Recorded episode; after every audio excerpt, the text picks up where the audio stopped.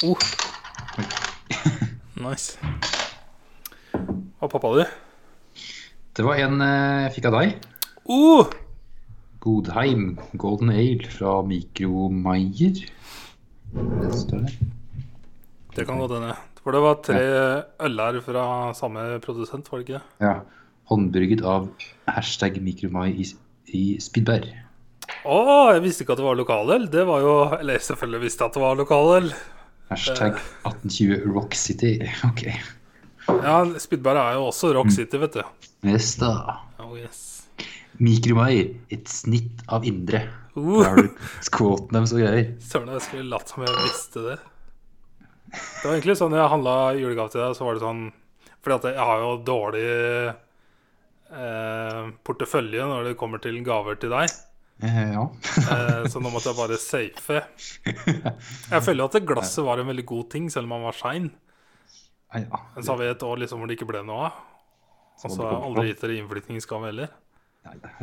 Så når, det sto, når jeg sto på Gulating og skulle plukke, så var det sånn Det var den, eller så måtte vi liksom hoppe sånn 500-700 kroner opp i pris for neste steg, og så gikk det bare oppover Ah. sånn. Å, ja. ja. Så hadde jeg vært Stina og Grunn, så kunne hun fått en sånn gigantisk greie som liksom var masse øl og snacks som liksom var matcha med øl og sånn. Oi. Det så sånn må- dritkult ut. Nice. Det er neste år. Da må vi bare bli litt uh, rikere. Ja. Yes. Ja, Jeg og pappa har bare en sånn eh, standard eh, Frydenlund, ja. Endelig litt alkohol i, da. Det har Ja. vært hard, eller ikke hard, sier. Vært mye på Munkholm eller hva det kom å drikke i. Ja, ja, det er mer sånn fordi det har stått i kjøleskapet. Og så sjelden jeg har drukket øl eller alkohol hjemme siste, egentlig. Ja. Eh, Men velkommen til episode 128 av siste 168. 128. Og det er perfekt at det er episode 128 da. 128. Fordi etter forrige uke så har Torkel endelig blitt hvor gammel? 28 år. Og hva skal du si nå? Hei, jeg heter Torkil. Jeg er 28 år. Ja! Dette har jeg venta på i sånn Jeg vet ikke, ti år? ja. Det er, det er jo seriøst ti år. Mest linke til Fransen her, for de som ikke Ja, det er en eh, Brelet-reklame som gikk eh, ja, for ti år sia. Som da er ei dame som titter på eh, sånne nettdatingvideoer av menn som presenterer seg sjøl. Eh, og så en av dem er selvfølgelig da en skikkelig boler. som sitter her eh, i tanktopp eh, og som bare Har et Torkil, har slått år, har lyst på dame. Så etter det så har jeg seriøst venta i ti år, og nå Ja. endelig endelig er 28. Pluss at det er episode 128. Ah, det er Verden liner opp, altså. Fantastisk. yeah. Eh, jeg ble usikker på hjemmelekse. Var det mer enn film? Det var et spill også. Ja, ja. Puh, yes. Har du gjort hjemmeleksen din, Torgeir? Ja. det virka nesten ikke som du hadde, men Jo, jeg har det. Jeg har det. Jeg hadde bare glemt bort uh, spillet. Men uh, jeg har spilt. Jeg har spilt. Ja, det går an å skrive opp det. Skal vi se. Men uh, ja. Ja, faen, nå må jeg ha. Her er vi, her Ja. er vi klare. Eh, Crash fra 2004. Yes. Skrevet og regissert av Paul Haggis. Beste etternavnet. Haggis. Han, han har regissert seks filmer. En som er i pre-production. Så det er kun ja, det er fem filmer han har regissert ja, før. Men tydeligvis mest på skrivinga, for han har Han har skrevet, skrevet 'Million Dollar Baby'. ja, skrevet mye filmer. Og Damn. Quantum of Solace, ja, det var egentlig dårlig, men eh, det er fortsatt Casino Royal la på for en bedre Bolden-film. Ah, OK. Ja, OK. eh, Det er impressive. The Next Three Days, den så jeg jo for ikke så lenge siden. i Den er også dritbra. Mm. Flags of Our Fathers hørtes kjent ut. Men eh, Quantum of Solace er jo for meg den dårligste Daniel Craig-filmen. Ja. Men ja, det er den. Også den, den, nest, ja, den nyeste som er Ja, den fra sist. Den eh, Hva heter den, da? Spekter? Ja, for å si det sånn den, Det husker jeg ikke. Nei, ikke heller. Jeg husker ikke så mye av den. Jeg bare husker at det, den Det var var noe- undervelmende. Ja, det Er er det, det. er riktig ord, er det ikke? Ja, Underwhelming er Ja. Underwhelming. Fordi at det, den var liksom så lagt opp til å bli sånn skikkelig Jeg tror vi snakka om det forrige uke, Bratt. Ja, det, At eh, den var lina opp til å bli en sånn skikkelig eh, high society-opplegg. eh, ja. Og så følte jeg liksom at det aldri ble noe sånn ordentlig av. Det var bare i starten på det derre teatret Sånn helt i starten av filmen, om jeg husker riktig. Mm. Jeg husker det var fet trailer og mye sånne sinnssykt kule shots med helikopter lavt over folkemengder og sånn. ja, ja. Men eh, ellers så husker jeg svært lite. Men Skyfall derimot husker jeg også dritmye av. Den har jeg også bare sett én gang. Ja, den husker jeg mye av.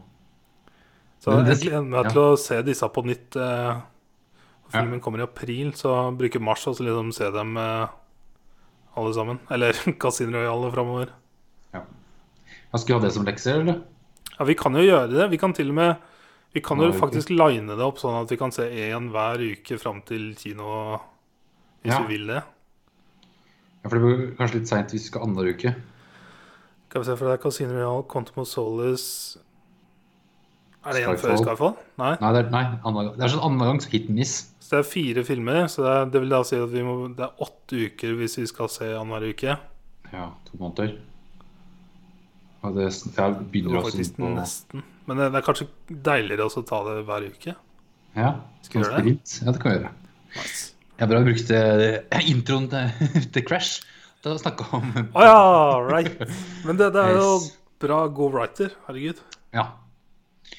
Eh, det er en del kjente tryner her. Sandra Bullock, eh, Don Cheadle, eh, Matt Dillon eh, sånn, altså. Eh, Terence Howard, Ludacris, Sandy Newton, Michael Pena jeg fant ut etter filmen at det er Michael Penya som er på bildet. Ja, Eh, det ser man på bildet etterpå. Yes. Ja. ja, det så jeg ikke før. Nei. Det ser nesten eh, ut som en sånn Jason Statham-aktig på det bildet.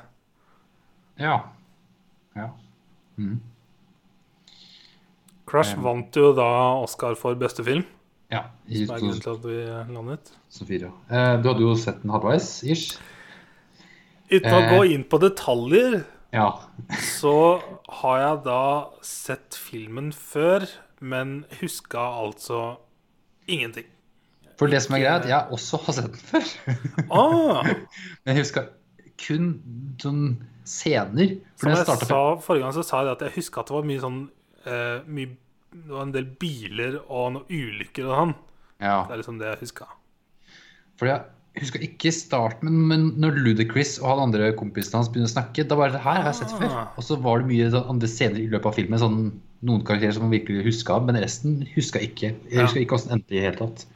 Fordi at eh, denne filmen er jo er helt det er imponerende av pålaget å lage denne filmen etter 9-11.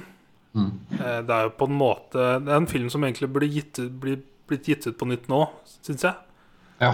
Eller laga en sånn lignende type film nå. Mm. Eh, for etter eh, 9-11 så endra jo ikke bare USA, men mye deler av vestlig verden sitt syn på Spesielt på muslimer. ja. Eh, så selvfølgelig er det jo grader og variasjoner av dette, og dra mange over én kam her, men eh, eh, Jeg ble Altså, selvfølgelig, filmen vant jo Oscar for beste film, men jeg ble overraska både underveis og i etterkant at eh, en så liksom film med så klar beskjed Mm. eh, kunne At du kunne gjøre det på så mange nivåer, da. ja. For det handler liksom mye om rasisme, men også er det jo alle de forholda mellom menneskene her. For du Og- følger på en måte flere forskjellige folk. Ja, nesten grupper av mennesker. Yes. Og alle har en liten connection med hverandre i løpet av filmen. Og så mot slutten så bare syr de sammen faktisk alle karakterene. Ja, på en liten sånn ting. Og den siste, siste bitte lille biten var sånn holy shit. Mm. For det var jo en del underveis, og det beste Eller det var to ting som virkelig satte seg spesifikt ut for meg, var jo eh, bil opp ned-scena etter det andre som hadde skjedd. Ja. Pluss da um, Michael Penya, fordi at Michael Penya og dattera her var det beste for meg. Altså. Det var, det var eh, så mye feels. Var, jeg har ikke kjent uh, altså, en Ja, film på lenge. Altså. Oi. Det er vanskelig å gå, gå i den filmen her sånn steg for steg, for det er så Ja, mange det stories, og det starter går jo med- hverandre. En, at det har skjedd en bilulykke. Ja. Og så er det veldig gode scener her på at eh, Don Cheadle som sitter her, sitter og har en eller annen dype eh, tolkninger av menneskeheten og ting og tang som han sitter og prater om. ja. Har du skada deg, eller? Ja, men så ved siden av bare OK, du, har, eh, du burde sjekke deg ut. Og så finner vi brått ut at disse er etterforskere og er egentlig eh, på et åsted. Ja, men Har det har blitt, ikke eh. Blitt påkjørt bakfra når de skal stoppe på åstedet. ja, av en uh, Asian uh, woman. Og ikke bare en Asian woman, men en old Asian woman. Yes. Og da har du den klisjeen med en gang. Og da Da fikk jeg inntrykk veldig fort av eh, hva dette skulle gå ut på. Ja, for det var med en gang sånn rasistiske og både hit og dit. For hun var meksikaner, hun dama. Eller ikke meksikaner, men ja, latino. Latina. Eh, så det ble jo litt sånn slenging fram og tilbake. Men, eh, Og så til og med Don Cheadle visste jo ikke helt hvor hun var fra. nei, han kalte henne meksikaner. Yep. Eh, For det var liksom Det var enkelt. Det var en sånn enkel fellesbetegnelse. Ja, ja. Det er som å kalle oss for uh, europeere. ja. Eh, så det må etterforske da et drap. Finne, det, er, det er lik som man finner langs motorveien et eller annet sted. I, ja, Utafor LA. Altså eh, Faen, det er så Den scenen der Starten av filmen Når filmen var ferdig, så endra det liksom hele synet fra starten av filmen. Ja. Så det er så vanskelig å skille de fra hverandre.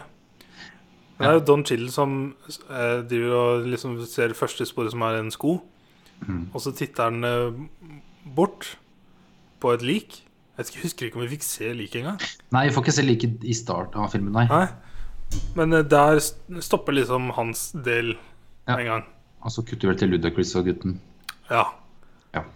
Og så, så det var liksom sånn rar intro. Jeg skjønte egentlig ikke helt eh, hva var poenget med dette. Jeg, jeg skjønte På dette tidspunktet så skjønte jeg liksom ikke helt For du får ikke noe godt inntrykk på hvem er hovedpersonen i filmen her. Nei, altså, sånn, eh, hvem er disse to? Hva er dette for et drap? Og så fikk vi jo ikke se noen ting fra åstedet. Nei. Og så Brått ser vi Ludacris på skjermen. mm. Han uh, har noe sånn uh, Får et innblikk i hans syn på livet og om rasismen fra hans synspunkter og Han spilte veldig bra her. Altså. Ja, han er veldig god i filmen her. Jeg ble imponert. Jeg, Jeg husker jo han som veldig kul i Too Fast to Furious med den svære afroen sin. Han. Ja. Jeg husker han som kul derfra, men jeg hadde, hadde ikke det synet på at han var en god sånn skikkelig god skuespiller før jeg så dette. Men det var da hans scene kom på, det var da jeg kom på at ja, jeg har sett den filmen her. På grunn Ja. av hans dialog, for det var, den var så bra, og det er sånn, det her har jeg sett før. Ja. Det satte seg, altså. Jeg hadde sittet Og dem ja, bare ut fra en restaurant. Og de har så Den åpningsscenen av dem Så er kanskje en av de bedre åpningsscenene i filmen. Mm.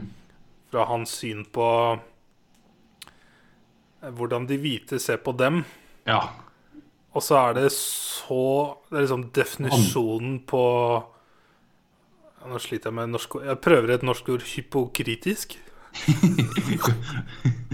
Eh, fuck, det er ikke riktig, men det var riktig, ja. At du Definisjonen på Hypocrite. Ja. at du er en hyp hypokrit, ja.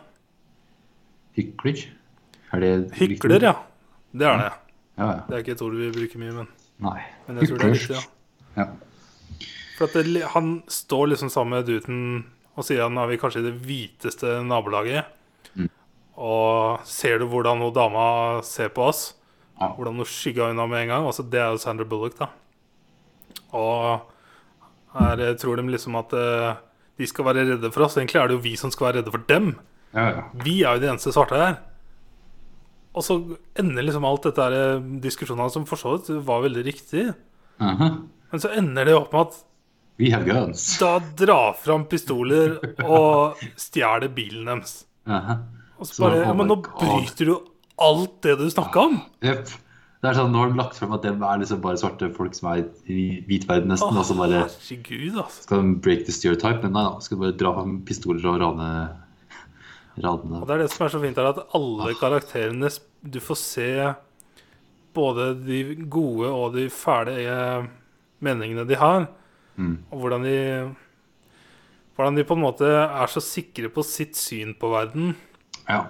Og hvordan det snur seg. Og jeg syns det er veldig kult av Sandra Bullock å spille et så grusomt menneske store deler av filmen. For hun spiller den, liksom det kremeksempelet på Hollywood-frue. Yes. Som er sånn Alt i livet er et ork og feil, fordi at hun har egentlig ikke noe ansvar, ikke noe å bry seg om, så hun kan bare klage på alt. Som at hushjelpa har ikke tatt ut av oppvaskmaskin før hun har stått Ja. opp. Hva, sånn- Plenen er vanna for mye. Alt er feil. Alt er feil, ja. Klag på alt. Så ja, hun er jo gift med District Attorney. Eh, han skuespilleren har jeg liksom ikke sett så mye. Jeg kan jo huske han fra mange gamle filmer. For han er Brandon Fraser, Fraser, Fraser. Skal vi se hva han jeg kan ikke huske liksom så mye fra han Det er den Mummy han er kjent fra, ja. Hva het han heter igjen, sa du? Eh, Brendan Freezer. Han er ikke på første side her på IMDb engang. Fraser. Brendan Hva han har spilt, ja. Mumien fra 1999, ja, stemmer det? Den Ja. husker jeg minimalt, da. George of the Jungle. Å, fy faen, ja. Ok. Det er det mest kjente hans. Mummy og det her. Og Crash. Nei, 1 og 2. Det er flere mummer, ser det ut som, ja.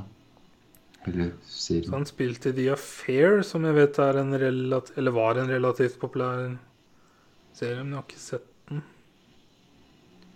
Han har på en måte gått over til TV, han, ser det ut som. Ja. Men det er trynet jeg har sett før, men ikke Ja, men mest sånn fra gammelt av, Ja. føler jeg. Yes. Så han eh, District Attorney, ja. er jo en sånn typisk eh, Mhm. som er eh, veldig opptatt av Imaget sitt og Ja. at velgerne hans, da, på en måte, for han har blitt nå rana av eh, to svarte. Mm. Og hvordan vil det her påvirke hans svarte tilhengere? Om at han kommer til å Det kommer til å stå i avisa at han eh, Så han, første reaksjonen hans var jo sånn Hvorfor måtte de være svarte? mm. Og så har han jo en eh, svart eh, Jeg vet ikke hva du kaller det. Jeg kaller det en, en dug.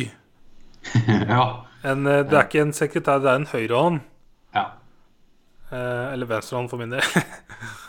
eh, det er en sånn type eh, person som Assistent er vel egentlig beste ordet. for Ja, men det er eh, på et høyere nivå, ass. ja, ja. sånn- Det er liksom Hjelper deg med alt, er med deg hele tida. Ja. Eh, ja. Men eh, det var kult, for hun var jo bare så dyktig. Mm. Så det var, eh, det var ikke noe løp på der. Liksom. Fikk noe inntrykk av at han hadde ansatt henne fordi at hun var svart. Ah, hun var flink. Jepp.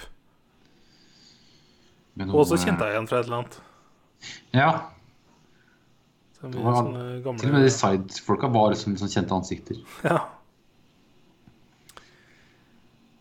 Eh, er det politibetjenter etter dette, eller?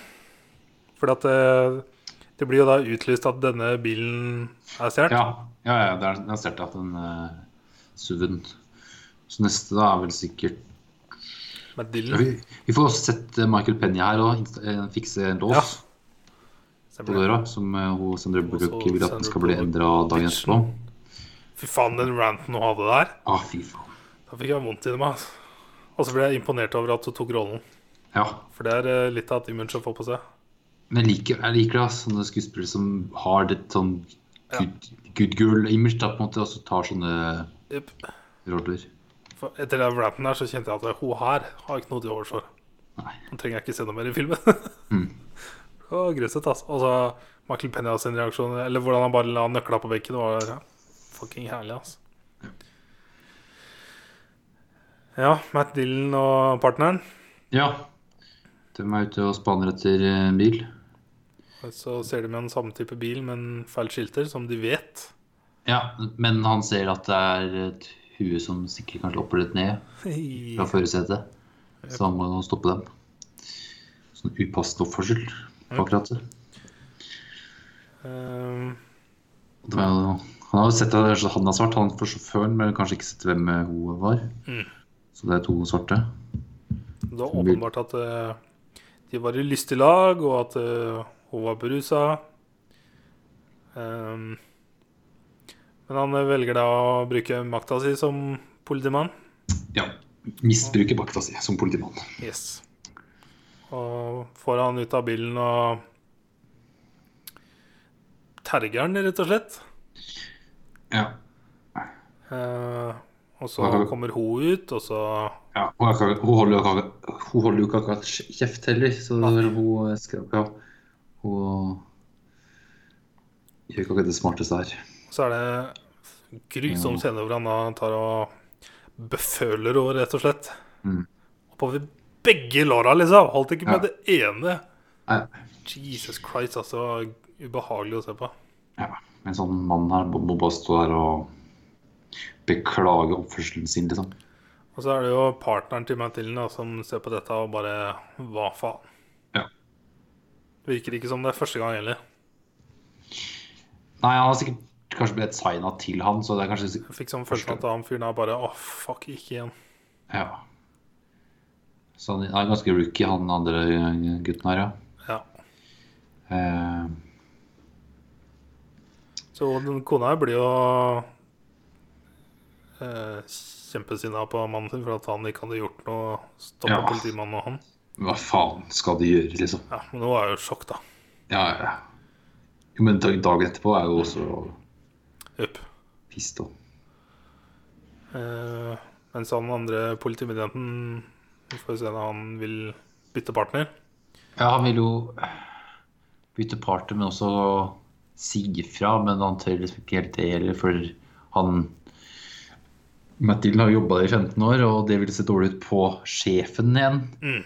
At han ikke har gjort noe, han heller. Så da Eneste måten for å ikke slippe han på, er å komme med en personlig grunn og få sin egen bil. Jupp. Uh, og unnskyldninga han da måtte bruke, var da at han hadde magetrøbbel og sitter mye og farter i bilen. Ja.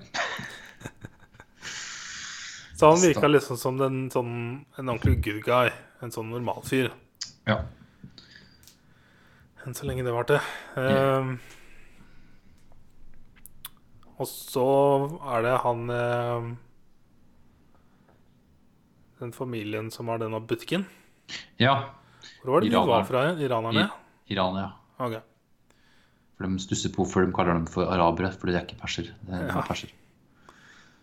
Uh, og de har tydeligvis hatt et eh, innbrudd i butikken. Ja, for den første gang vi ser dem, nå er det vel på, i våpenbutikken. Kjøpe en pistol.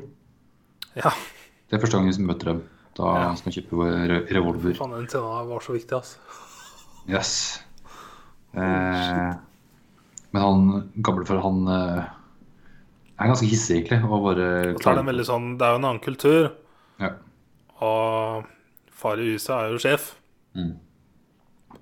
Så han ble, han ble jo nekta å kjøpe, for han eh, Hisser seg så opp. Ja. Men data kjøper og velger ut patroner. Mm. Han spør liksom han bak disken her om om du skal ha de patronene her. Ja, ja, skal jeg si jo. Sure. Um, altså en scene med Michael Pena igjen, hvor han skal skifte lås på døra i den butikken. Ja. Eh, hvor det blir krangling, da, fordi at han eh, faren i butikken føler at han blir lurt fordi at eh, Michael Pena sier at eh, jeg har bytta låsen, men det hjelper ikke, for det er noe feil med døra. ja. Så må bytte dør. Da mener han gamlefar at han blir lurt. Mm. Og der har vi igjen sånne Det var ikke bare rasisme, bare kulturforskjell, egentlig. Ja. Og mistro. ja. Eh, så Michael Pena bare fuck it og bare ikke betaler meg, og bare går. Kaste kvitteringa. Eh, og så drar han hjem til dattera si, da. Og jeg var veldig redd for at det bare var han og dattera. Men heldigvis var det en mor i bildet òg. Ja, sant. Ja, Ja, ja. Vi får ikke sett så hos mye. Én sending. Ja. Men når han drar hjem, så ligger dattera under senga, og så har de En av de vakreste scenene jeg har sett på film. Altså. Å, det var så fint hvordan han tar henne opp og snakker med henne. og at meg har bodd i et dårlig nabolag før. Han eh, har denne beskyttelsestråden. Hun har hørt en kule eller noe. Hun har hørt et skudd. på forrige stedet de bodde, så, så var det jo mye kuler, tydeligvis. Mye skudd. Og mm. det virka som det faktisk hadde gått et eh, skudd inn uh, i huset deres. I vinduet. Eh, mens nå var de på et tryggere sted, men dattera var fortsatt redd. Ja. Hvordan Michael Benny håndterte det, det var, eh, det var så fint. Altså. Mm. Det var så bra. Herregud, så god scene. Altså. Også den ble så mye bedre i etterkant. Ja, ja. Fytti helvete! Tar jo av seg uh, kappa si. Hun lurer på hvorfor pappa aldri har blitt eh, skutt eller knivstukket. Han forteller at han er beskytta. Mm. For at det kom en fe ga han beskyttelse. Så kunne hun få den. Og spør hun trenger ikke du noe, pappa. Nei, jeg trenger det ikke lenger. Å, gode steder, altså. Uh, ja, nå husker ikke jeg Nei, nå, nå har vi liksom møtt alle karakterene, Eh, har vi ikke det? jo. Så Jo, nå er det sånn- Så er det innimellom så er jo ja, han uh, Mathilde er liksom hjemme med faren, der og greier. Og så med hun eh, svarte dama. Ja, Det er noen greier der. jeg tror det kanskje kommer nå jeg mulig det. fort, ja. For at eh, Ja, det er jo når han eh, andre politibetjenten eh, Når han første gang han er i egen bil, og så får vi se Matt Dillon havner sammen med en annen fyr. Mm. Så er det jo da at eh, de får De er faktisk på et åsted før det har blitt kalt inn. Og det ligger Ja. en bil opp ned. Og det renner bensin eh, nedover eh, asfalten mot en bil som det brenner i motorrommet. Ja. Så Matt Dillon løper opp til denne bilen som ligger opp ned, for, at, eh, for å sjekke om det er noen der. Og der er det jo en person som sitter fast opp ned. Og Matt Dillon går inn for å hjelpe henne. Og hvem er det? Det er jo selvfølgelig hun som han hadde tatt på for ikke så lenge siden. Ja. Så hun freaker jo ut. Og så innser jo han veldig fort at det Det er kanskje en av de bedre åpenbaringene du kan få. På at det, Hva faen er det jeg har drevet med? Ja. Det er sånn... Hva faen bryr seg? For nå er hun i ferd med å dø. Og det eneste jeg kan tenke på, er å redde henne. Mm. Så Han klarer jo faktisk da liksom bare roe ned og så få tilliten hennes. Selv om det ikke så sånn ut at han skulle få til det. Nei, nei, hun er jo full panikk at han kan ikke røre, Ja. liksom. Så Don't touch touch me. Ja. Fint en annen til å hjelpe meg, liksom. Men han eh, får overtalt henne og si at eh, dette skjer fort, jeg må ha deg nå. Mm. Og så gjør han det veldig rolig og sier at nå må jeg lene meg over deg, sånn går det greit til han. Og så er han jo veldig close. Mm. Eh, så ser det ut som at det skal gå til helvete, for det tar jo fyr. Ja. Og så tar bilen fyr. Og så kommer jo de andre politimennene og, og drar han ut, og så hun blir jo igjen i bilen. Jeg trodde hun skulle brenne opp, jeg. Ja, for der husker jeg ikke hva som kom til å skje. Nei. Det er sånn Å, shit, nå dør hun, eller? Ja. Og så løper han inn igjen Jeg og har egentlig sagt at det var så Zoe Zoldana? Har jeg sagt det navnet? Nei, det er ikke hun heller. Er det ikke det? Nei, det var Thandy Newton Ah, det er Fandy Newton, ja. fra Westworld. Right. Stemmer det. Hvorfor Yes. blanda jeg de to, André? Ra- Rasist. Ja. Hun er brite, er hun ikke det? Jo, Jo, stemmer det. det er hun. Stemmer det. Eh, jeg lurer på om hun faktisk er eh, female version of Nighted. Av Jeg lurer på om hun har en sånn eh, OB et eller annet, jeg husker ikke hva det heter. Hvis ikke jeg husker veldig feil. Hva snakker du om nå? Jo, hun er en OBE. Sandy Newton OBE. Og En OBE er en Order of British Empire. Det er Ah, en sånn chivalry-sak. ah. Så en sånn excellency at du, Ja. Det er en sånn female knighting-opplegg. Yes! Cool. Ta meg på factsa. nice. Eh, men ja, han redder henne ut. Ja, for han kravler jo inn igjen i denne bilen som er i fyr og flamme. Og de får dratt henne ut, og så eksploderer jo bilen selvfølgelig rett i etterkant. Ja. Og han har da redda livet hennes. Yes. Og da så vi jo han eh, Han var jo første som snudde på det. Ja. Og vi så han i et godt lys. Og det, jeg fikk inntrykk av at eh, Jeg fikk et bedre inntrykk av han. At han Ja. lærte av spesifikt denne situasjonen. Men så fikk jo lære mer om han seinere òg. Men det var mer sånn ærlig Han var jo veldig ærlig sjøl òg. Med hun dama. Og hun andre nye- dama som kommer seinere i filmen. Ja. Yes. Eh. Mm. Eh, For resten av Thanny Newton hun drar jo bare hjem, og så får vi bare se henne egentlig en gang til når hun er på telefon med mannen sin. Etter at han har gått gjennom sin runde i filmen. ja. Hun bare ligger og Ja. Egentlig sånn. sist vi ser henne. Yes. Eh, vi kan jo ta med Dylan. da. Han har en far som eh, er dårlig. Mm. De bor sammen. Og virker som han har noe Var det nyreproblemer eller noe? Han sitter jo mye på do, så det er et eller annet eh, som ikke stemmer helt. Eh, og så har de jo en helseforsikring, men den dekker jo bare ting og tang. Og Ja. da er det jo stor kø. Så Mathilden drar på det riktige kontoret for å prate med en person for å prøve å få litt fortgang eller sjekke andre muligheter. Mm. Og er jo da ganske rasshøl. Som han sier sjøl, at 'jeg er et rasshøl'. Men dette er ikke for meg, dette er for min far. Og så gir han jo bakgrunnen til faren, som var jo legendarisk Mm. eh, foran denne dama. Og hun sa det at det, det er synd at ikke din far kom hit i dag, for da hadde jeg kanskje hjulpet ham. Men deg hjelper jeg ikke. Som også gjorde at, viste at hun var en bitch. Alle er liksom ferdige mot hverandre i løpet av filmen. her altså. Ja, alle hater hverandre.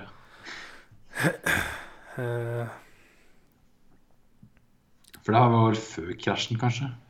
Egentlig. Ja, det var det. Det var det nok. Eller vet jeg egentlig ikke, men det kan virke sånn. Jeg tror det.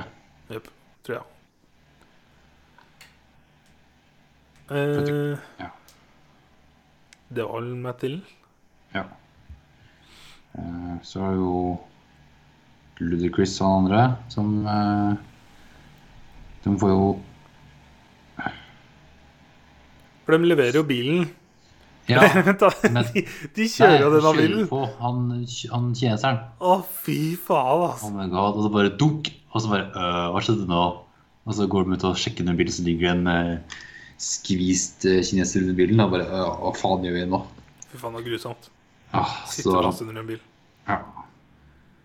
så har vi han i bagasjen og kjører til et sjukehus og kaster den vekk. De må jo overtale Ludacris til å dra den ut. Ja, ja, ja. Ja og, så, og så drar de fact. Eh, eh, Matt Dillon har jeg sett i en film hvor han drar et lik etter bilen. Langt!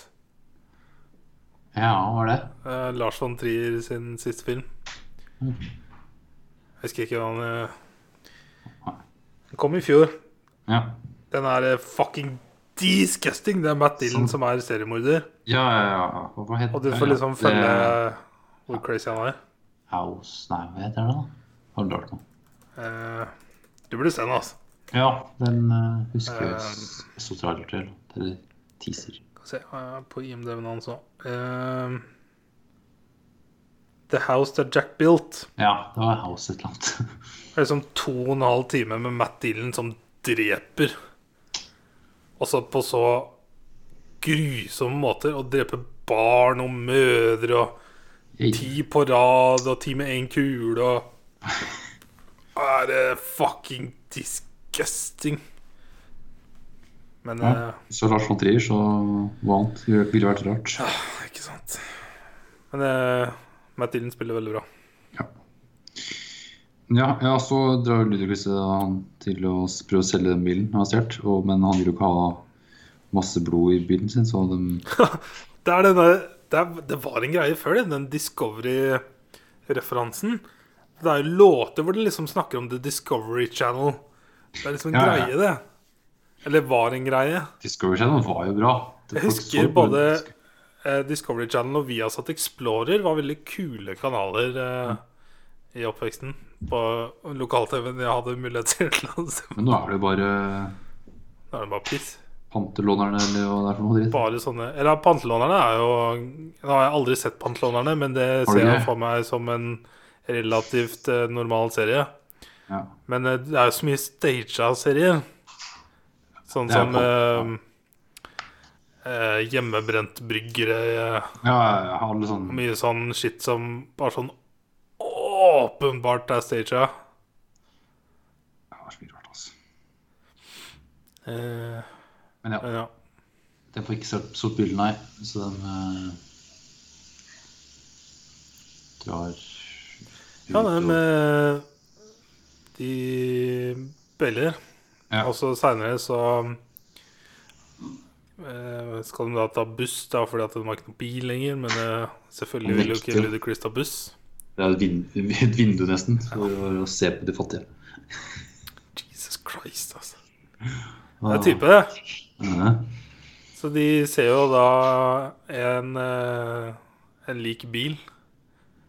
De skal jo stjele den. Men hvem sitter der? Det er jo han vi har sett tidligere i filmen. ja. eh, er det Martin Lawrence? Det er et eller annet. Nei. Nei, Lawrence. Jeg vet ikke. Martin Lawrence er han fra Bad Boys. Ja, hva heter han filmen her da? Eh, godt spørsmål. Jeg har også sett han flere steder. Jeg husker ikke hva han heter. ja. Han spiller jo i første Iron Man, da. Terence Howard. Ja. Sant det. Så det, ja, så det er jo ikke Don Cheadle som tar over. Yes. Sant det. Eh, men ja, fordi at Ludacris har jo snakka om at eh, han raner jo ikke svarte menn. Nei. Men eh, hvem er det som sitter i denne bilen? Det er jo en svart mann. Ja. Og hva er det denne svarte mannen gjør? Han er jo pissed på life. Ja, han, han har gitt opp nesten. Han Så han tar jo bare tak i pistolen til Ludacris og Faen, han styr, altså. Og Ja, ja. ut av bilen og inn av bilen. Og Ja, slåsskamp, og så Det ender da opp med at politiet kommer, og eh, begge ender opp i bilen mens han andre stikker av gårde. Ja. Og liten chase, hvor den da ender i en, eh, en blindvei. Mm. Og jeg trodde hele tida at eh, For han titta jo i speilet når han ble stoppa, så jeg trodde han kjente den ene betjenten. Men han gjorde ikke det før de sto ute og prata, virka det som. Nei, men jeg tror ikke han kjente den i det hele tatt, for han, han var ikke opptatt av han. Han sto bare bak dem. Ja, han- jeg, det var liksom først når de gikk fram og snakka at eh, Jeg er faktisk ikke helt sikker på om de gikk overfor ham hvem det var. Nei, jeg tror ikke det. Uh, Fordi i den situasjonen der, så var, jeg tror ikke han ensa at den var der. ja. han, han hadde lyst til å bli en martyr, rett og slett. Mm. Eh, han Hadde hadde pistolen Pistolen, ja. I, og skulle jo til å ta ham fram. Mm. Men så tar jo han po- snille politibetjenten vi har blitt kjent med, og roer ned situasjonen og ordner opp. Så får de kjøre, og så tar jo han fyren Han er filmprodusent. Eh, han tar jo da Ludacris og slipper han, og bare Liksom Da har det jo gått opp for Ludacris hvor idiot han er. Men Ja. også sier jo han fyren her at det, I'm embarrassed. Så da får vi liksom inntrykk av at Ludacris har uh, endra seg. Mm, han tar bussen hjem. Ja. Og det er liksom siste vi ser av han. ja.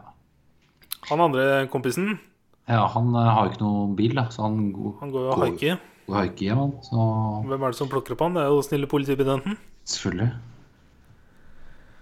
Altså, så dem er jo veldig like. Mm.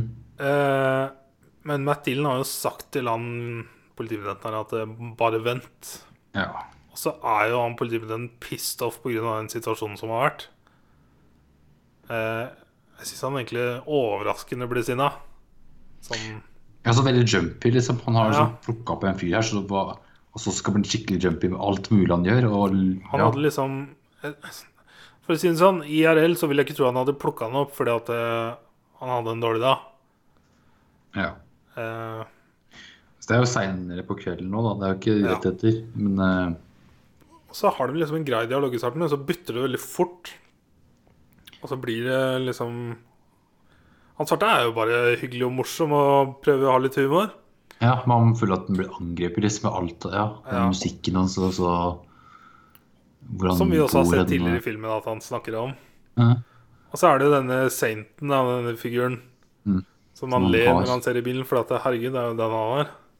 Mm. Så det han skal ta fram den, så tror jo politibetjenten at han tar opp en pistol, fordi at han er jo en svart mann som Mm. går på gata. Så han skyter han. Og det er bare sånn Det- holy fucking shit. Det er bra politiarbeid. Altså. Skyt før du ser hva han Så stopper han jo langs veikanten og dytter han ut av bilen, og så tror jeg liksom at han skal kjøre, så gjør han ikke det. da Så går han ut og ser, og så er det den jævla figuren han holder, da? Yes, da. Yes. Um, og så jeg vil, jeg vil ta Don Gill til slutt her. Men um, så er det jo Sandra Bullock som stresser rundt, da. Og er bitch. Uh, og så tryner hun i trappa. Ja, herregud. Og liksom det er ingen av venninnene hennes som gidder å hjelpe henne. Alle er opptatt av det. Ja, henne var, en var vel hadde massasje eller noe Ja, sånt. ja. Ja, er sånn. Det er venninner hun har hatt i ti år. Ja. Ingen kom og hjalp henne. Eneste som hjalp henne, var hushjelpa. Ja. Så da gikk det opp et lys for henne. Og det var det for henne, egentlig. ja. En eneste venn hun hadde, var hushjelp. Ja. Yes. Og så er det jo Don Cheadle som stjeler hele greia her på slutten. da For Han har Ja. liksom vært gjennom eh, Fordi at District Attorney vil bruke han som et sånt eksempel på For han trenger en fyr å sette medalje på. Var det jeg fikk Ja. inntrykk av i starten her. Ja, for det, det har vært et, et Ikke et mord, et drap Mm. av en undercover politi, politimann, en hvit en, Mm. har skutt en svart politimann. Mm. Og det har han gitt personen gjort tre ganger, eller to ganger tidligere, så er det tredje gangen. Åpenbart tydeligvis at han var fucking coked up. Og Ja. han hadde jo brått masse cash bak i bilen. òg. Men hvem hadde masse cash i bilen? Var den andre bilen. Ja, det var svarte sin Ja. bil. Så det var nok Ja. mye sånn uh, svarte Men- penger uh... Men han, det var jo ikke hans bil heller, som visste ikke helt hvem sine penger det ja, var. Altså, Skikkelig sånn Tarantino-storyline, det greiene der. Altså. Ja, Som ikke helt får vite helt hva som var Jeg er sikker på at Tarantino sikkert har skrevet uh, bakgrunnen til det her for moro skyld. Ja. By the way, på toget da så hørte jeg på en episode av um, What the Fuck-podkast, som er kanskje det eldste podkastet. Jeg lurer på om det er et av de aller, aller første podkastene. Som har eh, Mark Maron som starta. Skal du kjenne til Mark Maron? Aldri hørt om det. Han er en komiker. Eh, jeg kjenner han mest fra Glow og en annen Netflix-serie. Eh, men han er en veldig sånn eh, fyr som er kjent for å bare ytre sine meninger, og du får et veldig klart bilde på hvem han er, uansett om du ser den i en serie eller hører den. Han er seg sjøl og spiller seg sjøl, hvis du skjønner hva jeg mener. Mm. Tidligere alkoholiker og rasøl for life. Eh, okay. vet hvem han er. Men han har et, et av de verdens mest populære podkast, og jeg tror han faktisk kanskje er den aller første som hadde podkast. For han hadde sin episode nummer 1100 nå. Ja. I dag kom den. Eller det er jo sånn også hvordan du definerer det, da. Fordi at Joe Rogan har jo hatt over snart 1500 episoder, men han har jo ofte flere i uka. Ja, da, Mark ja, han, har har jo det. Ja, men Mark Maron har holdt på lenger. Ja, ja. Det, For Joe Rogan ble ti år eh, nylig nå, rett etter nyttår, eller rett før. Mm. Mark Maron har holdt på enda lenger. Men han hadde en episode hvor han fikk på Brad Pitt og Leonardo DiCaprio. Ja, det er for en times intervju. Oi. Og det er jo ikke sånn du hører fra de to gutta her. Nei. Eh, Det er også første gang Mark Maron hadde to gjester. Så jeg hørte på det intervjuet på vei inn eh, til byen i dag. Ja. Eh, Så jeg vil bare anbefale dette, for at det, du syns sikkert det er like kult som meg å høre fra de to som du aldri hører fra. ja, men det skal jeg Så bare den ene episoden er veldig kul. Selv om jeg aldri har hørt noe av de andre episodene til Mark Maron. Ja, for jeg ser en del kjente navn som jeg kunne ah, sikkert hatt på mange store kjente som Joe Rogan. Terry Cruise Ja, Ben Han, hadde, han var første Barack Obama kommer hjem til han, for han har podkast i garasjen sin. Og Barack Obama, mens han var president, kom på podkasten til Mark Maron. Så han var liksom the guy. Nice.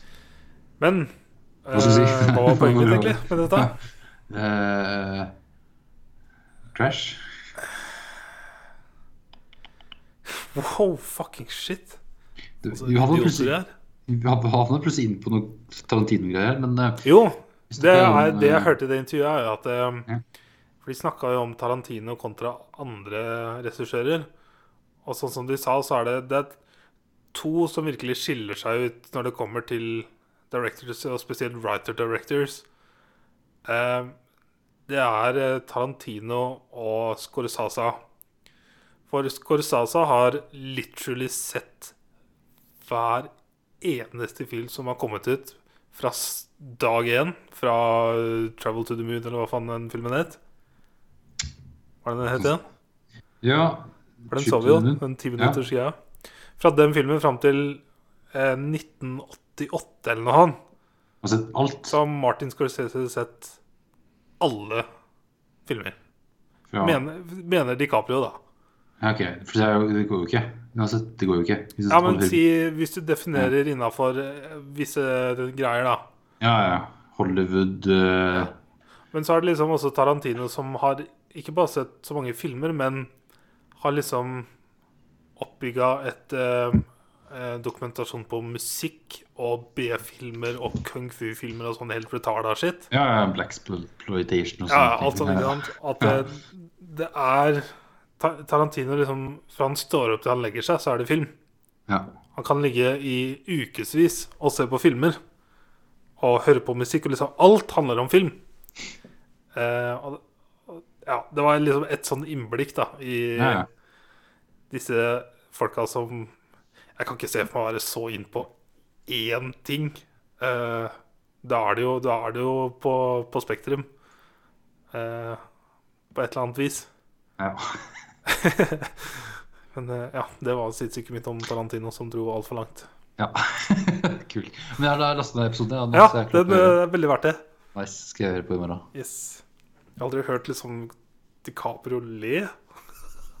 Hvis du skjønner hva jeg mener? Eh, ja. Yes, takk for meg. Uh, Don Cheadle har uh, en Han banger jo kollegaen sin, partneren sin. Mm. De har et forhold. Det virker som det er mest sånn banging, rett og slett. Eh, for han er veldig lukka ellers, fordi at han har en mor som er veldig dårlig. Både sånn mentalt, men også heroinavhengig. Ja. Og liksom Har ikke mat i huset, og han finner det liksom ute sittende i stolen. Jeg tror han skyter opp med heroin. ja. Og så er det sikkert noe dement òg, for det Ja, virka dement. ja, slett litt hukommelse. og- Eh, og Don Chilla har da tydeligvis en bror som eh, mora stadig sier 'Kan du gå og finne den?' Kan du gå og finne den? For er tydelig at dette er en fyr som har eh, stukket fra hjemmefra for mange år siden. Og så, siden hun er, får inntrykk av er dement, så kan jo dette være sånn 20 år siden. Who fucking knows? Ja, vet ikke helt hvem det er. Ehm, så Don Chillen til å prøve å hjelpe mora si litt. da, Fylle opp huset med mat og prøve å snakke med henne litt av tikk og tang. Eh, Åssen går liksom gangen her nå?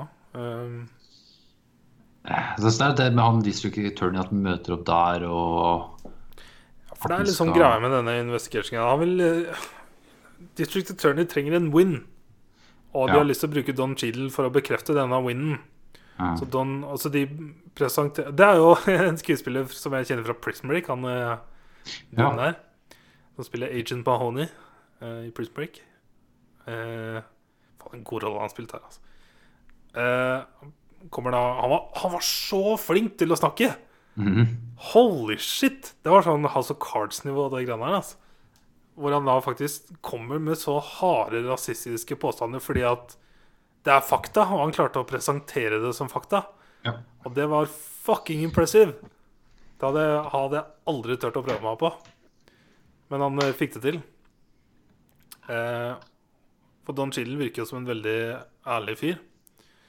Men eh, når han blir da presentert at eh, For broren til Don Chillen har masse eh, tatt for masse småting. Han har vel også en warrant ute på seg eller noe han. Ja, for det er sånn masse småting blir etter hvert en stor ting. Så er det sånn Det er Hvis han blir arrestert en gang til, så er det sånn Da må du minimum i fengsel så og så lenge. Ja. Så at du har blitt lett off the hook så mange ganger. Yes. Eh, så hvis Don Chill tar på seg å skape denne winen for District Attorney, så skal da broren hans få gå fri. Ja. Så han tar den dealen. Uh, ja, tar den dealen. Og så er det vel etter det hvor han da fyller opp huset til mora si med mat og Ja. Uh, ja. Og så er vi på dette åstedet igjen, som vi var i starten av filmen. Eh, og det liket som ligger der, er jo da broren hans, tydeligvis. Som jeg ikke Ja. kobla før vi var på sjukehuset. Det var jo rett etterpå, men eh, jeg kobla det ikke når vi faktisk lå der.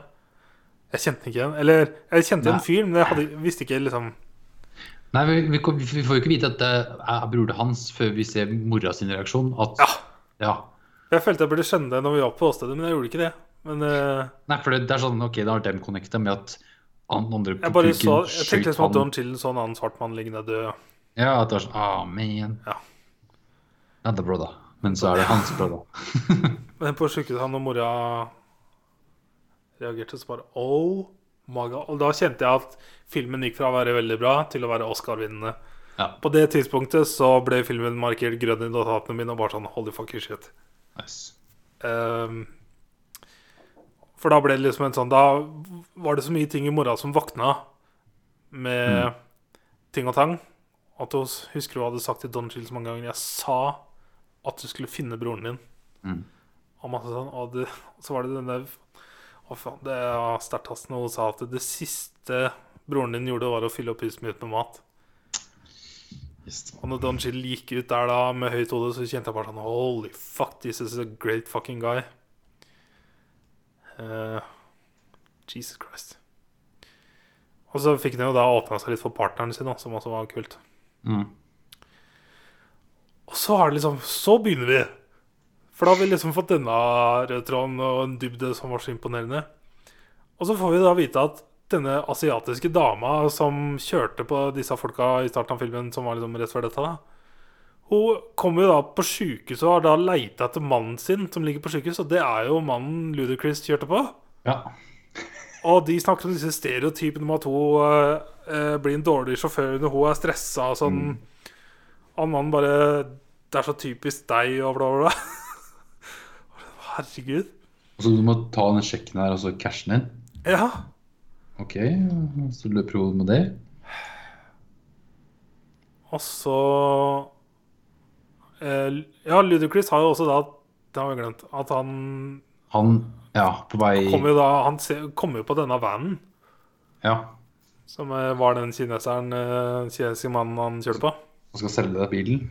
Så inni bilen så er det masse Charmant. eksportvare. Ja. Asian people.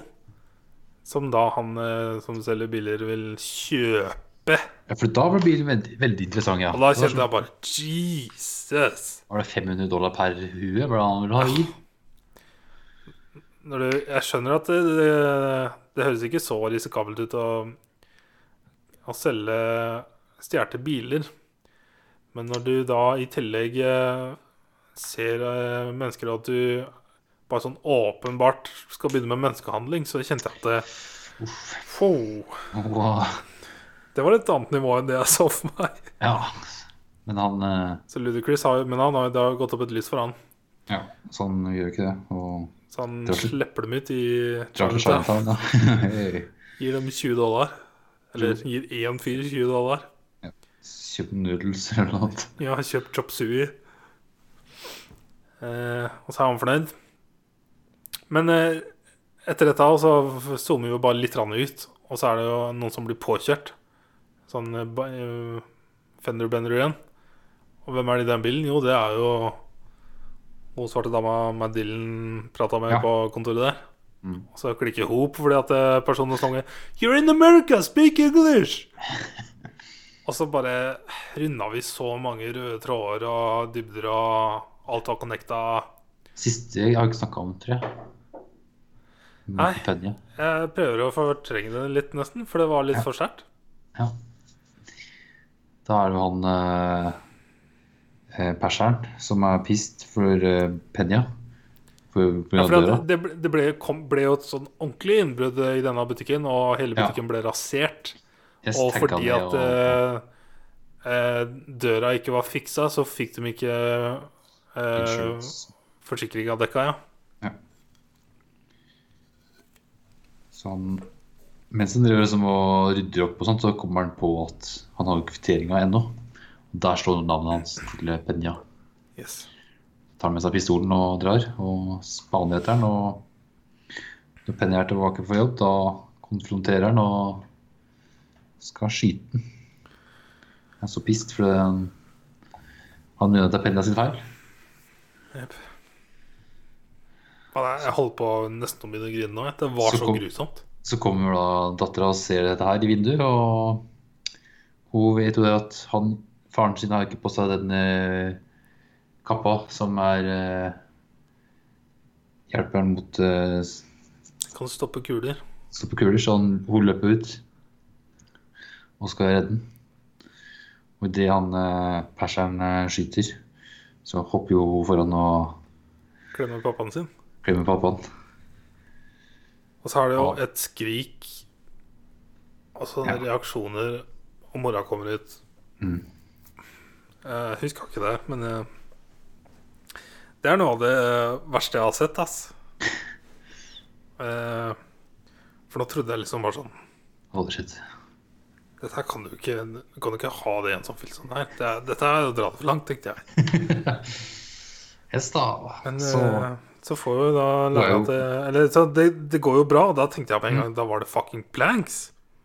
var det første jeg tenkte. ja. Eh, for at det, eh, vi, som har skutt litt vi har, Eller jeg vet ikke om du har vært borti det, men jeg har jo vært borti pa- patroner som ikke har, har gått av. Men da kommer det jo ikke noe pang. Da er det jo bare et klikk. ja. Så jeg skjønte at det er en runde som har gått av, men da må det jo være en blank. Ja, en rød fis. Ja. Eh, for at Og så er det så, det er så nå, Michael Benn liksom drar opp eh, T-skjorta på begge sider på jenta bare for å sjekke at det er ikke noe høl i. og sånt. Det var bare sånn Oh my fucking god. Tenk å være i den situasjonen, da. Mm. Det var sånn, Noen har skutt på deg og dattera, di, og så må du sjekke om Og så er det sånn det er ikke noe sinne mot han perseren. Ingenting. Det er bare sånn sjokk, og alt det er fokus på er dattera. Ja, ja, ta med seg dattera og Og når det inn. går bra, Liksom. så er det bare gå inn, lukke døra, altså ikke, ikke Ser ikke på perseren engang, bare ignorerer den. For, for han har det jo også gått opp Hva faen er det jeg har gjort? Mm. Eh, Så han drar tilbake til butikken, og der kommer dattera, og så eh, snakker de sammen. Og han Han sier at jeg har skutt ei jente. Ja. Men han han har fått en engel. Ja. Det er en engel. Og så får vi se i boksen at det var blanks, og det visste jo hun, da. Ja, ja. Hun har kjøpt inn vilje. Fyttekatta, altså. Det var så sterk scene. Det var helt sjukt. To scener med Michael Benny og dattera som Mm. Uh. Det var liksom prikken over i-en. Var det en connection til her med at hun persiske dattera her var legen til. Det var en liten der, var det ikke? Det var var som sykepleier kom ut av rommet som broren til Don Chiddle lå i. Ja, det var hun, ja. Jepp. Hun hadde ikke Hun sto jo på kun én liten scene. Yep. Et, et sekund. fikk høre tidligere i filmen jeg lurte på når hun måtte på jobb. Og Ja. gjorde kveldsskift. Så det var hun, ja. Yes, da. Good fucking movie, altså. Ja, herregud. Altså Selv om det er liksom så åpenbart hva filmen skal gjøre, Mm. så funker det på så mange nivåer.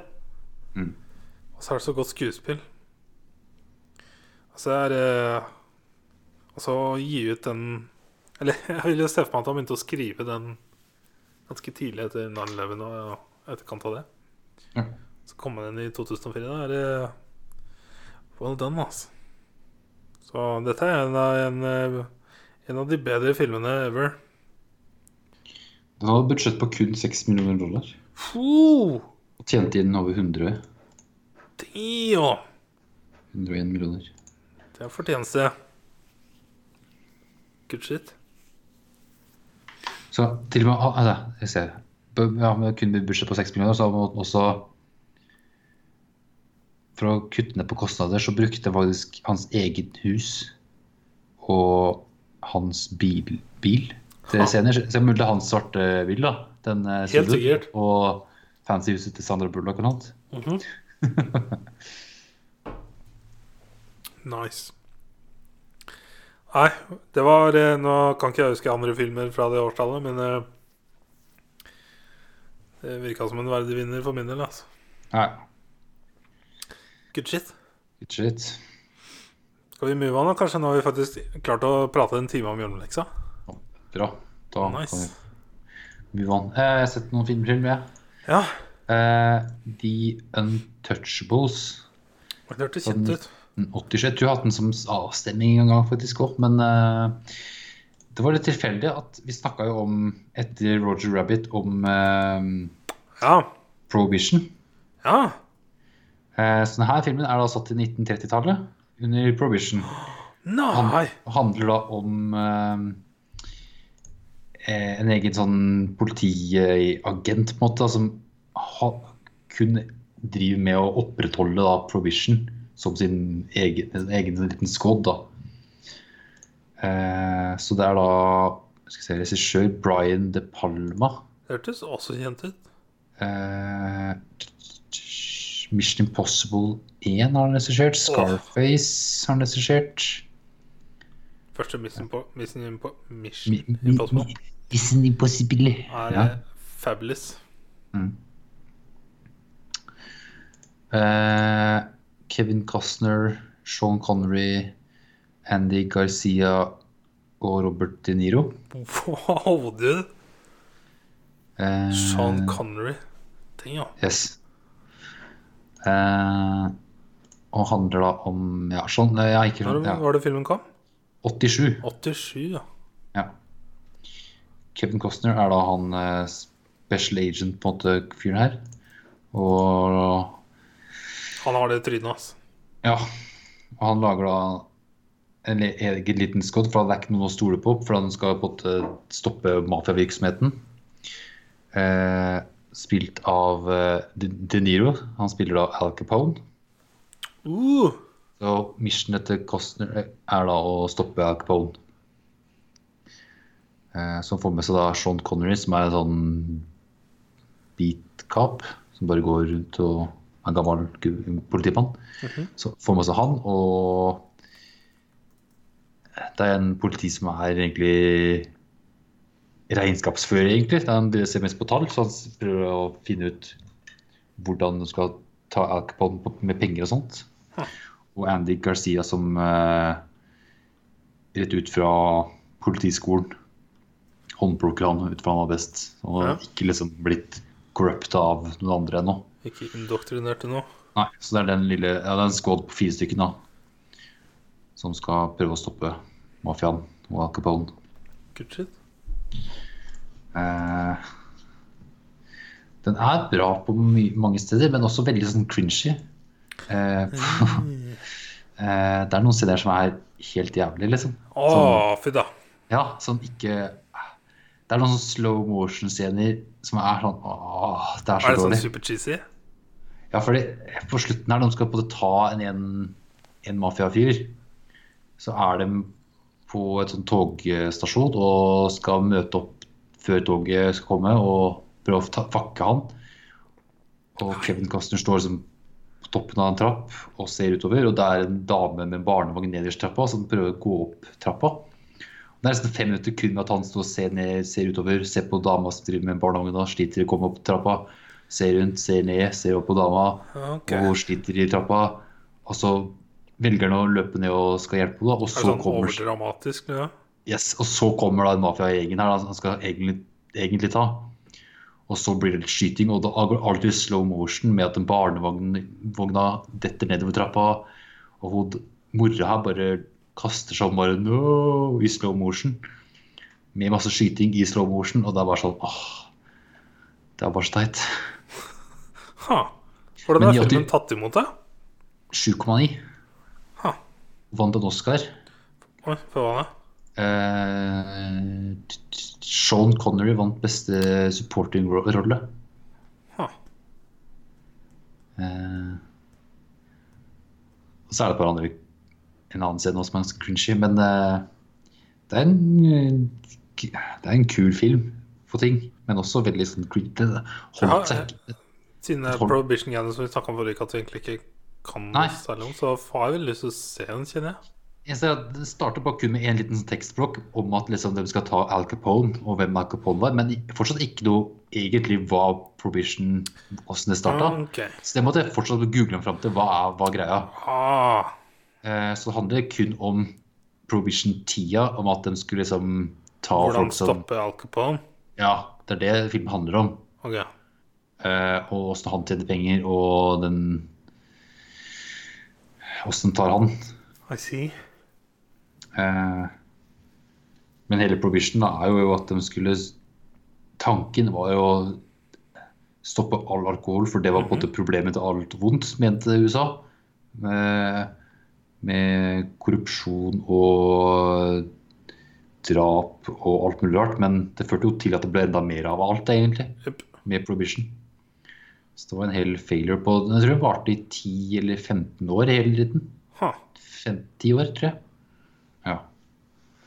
Nå, er jo, nå gir jo ikke vi noe særlig rating, men hva syns du om 7,9? Ja, jeg- jeg, å se den i 2020, så er det altfor høyt. Okay, Men, men har sett den i 1987, så var den sikkert 10 av 10. Ja, eller sett den i ungdomsåra, så hadde det Ja, ja. vært noe annet. Ja. Skjønner. Eh, hadde jo noen kule scener. Sean Connery var jo eh, bra, han. Han er jo Sean Connery, det. Sean Connery. Ja. Eh, men, vi, men det er sånn du, Jeg heier jo ikke på den gjengen her. Det er jo Provision-folk. Det er sånn, Jeg heier mer på Alcapone, for han er jo kul. Vi får ikke sett så mye av han og hans side sånn fra hans synpunkt. Det høres Eh, ut som jeg ville gjort mye annerledes med denne filmen. ja, det er det. Først som Kevin Costner skal være helten og skal liksom stoppe bad guysa, men det er jo egentlig mest bad guysa jeg vil heie på. Yep. Ja, kanskje Vet ikke, du har jo Gudfaren som er OG, hvor du følger eh, Ja, ja, ja. bad guyen, men uh, kanskje mest i nyere tid at vi, vi liker the bad guy story. Ja, altså, bad Story har jo vært For det er liksom før, først andre gangen jeg så Breaking Bad, hvor jeg liksom så Walter Wright i, i det lyset som egentlig er lagt fram at du skal se den i. Ja, ja. For første gang så var det liksom bare sånn Holy shit, holy shit. Mens andre gang jeg så det, så var det sånn Fy faen, for en fyr, altså. Mm. Så grusomt. Altså, det er så mange punkter hvor det liksom tipper på et nytt nivå av grusomhet.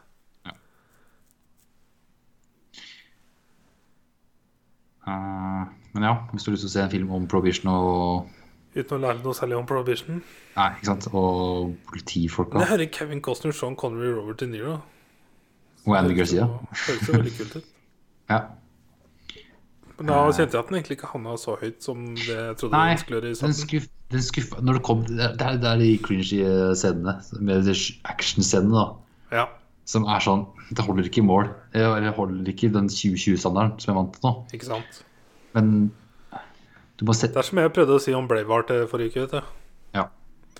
Eh, by the way, jeg leste nå at eh, jeg tror det er et jubileum for Braveheart i år. Ja.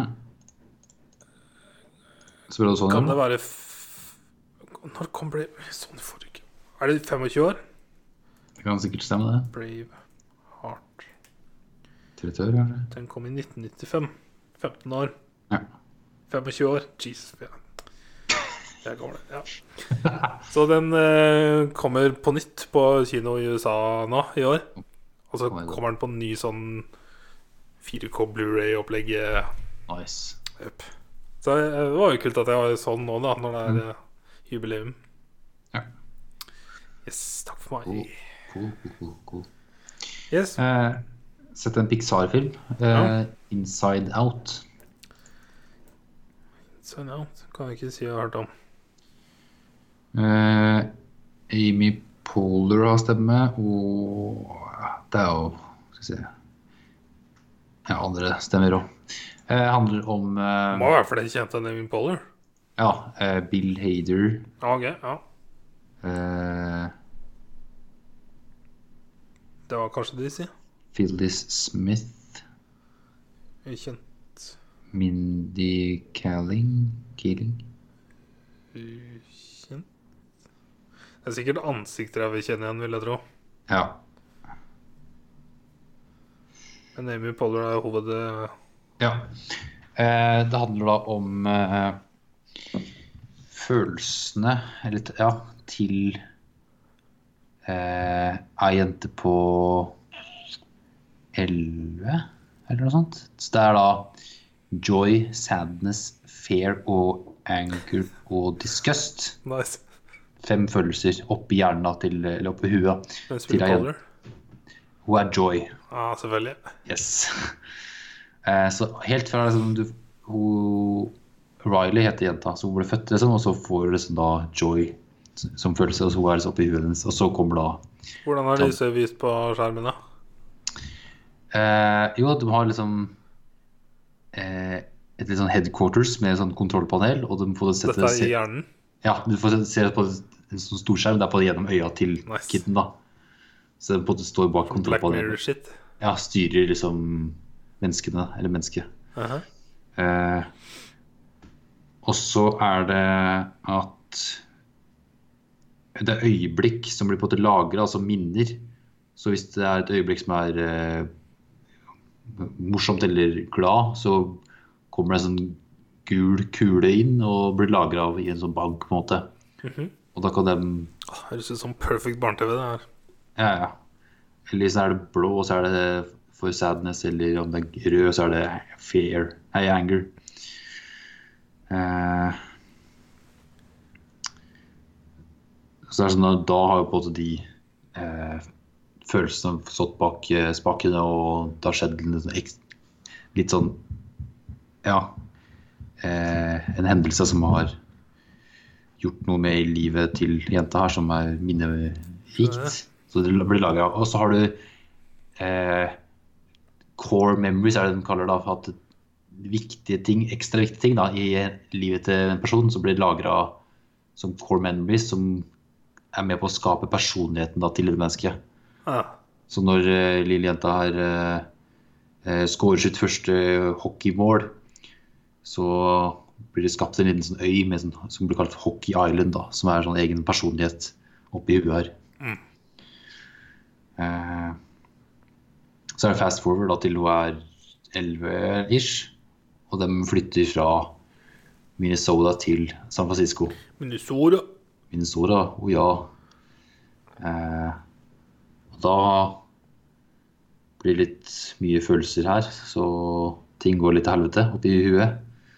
Eh, for Blir det mye sadness, da, eller?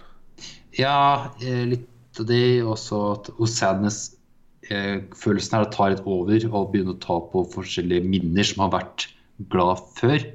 Som har vært gule baller. Så ta på dem, så blir de blå. Men ingen vil jo, Joy vil jo ikke det, så hun prøver å få dem tilbake igjen. Men det går ikke, for hun har tatt på dem allerede. Så de blir alltid være blå. For det er jo et minne hun kanskje har tenkt på Right. før, har jo vært noe hun har gleda, hatt glede over, men nå er det bare trist for å få hjemmelengsel og sånt. Ja. Eh, så Joy prøver å fikse alt her, men Kobla til virkeligheten, noen greiene der. Yes. Så eh, Så Joy prøver å frivillig skal fikse alt, men det går til helvete, så hun blir på en måte sugd ut av eh, hovedkvarteret her og eh, sendt vekk sammen med Sadness. Så det står igjen, er da anger, fear og disgust. Og det er de som både må ta av kontrollen på jenta. Ja. Eh, Og da går det virkelig til helvete med hva som skjer. Hvorfor da. For det er sånn første dag på ny skole, og det går dritt, og eh, Ja. Faren er busy med en ny jobb, og hun blir sånn litt sånn slem mot han, eller ja. Og går så langt om at hun vil rømme for Eller tilbake, komme tilbake, for det det sinnet, da, anger, tenker jeg at beste måten av å skape de- de gode minnene på, er å dra tilbake til Minnesota. Så da er det selvfølgelig å Minnesota. altså, da er det selvfølgelig å dra hjemmefra. Jeg må dra. si Jeg har hørt deg snakke om mange Disney-filmer og en Mm. del Pixar-filmer nå. Ja. Dette høres ut som over gjennomsnittet. Dette, Ja. For meg så høres dette ut som noe jeg kunne sett.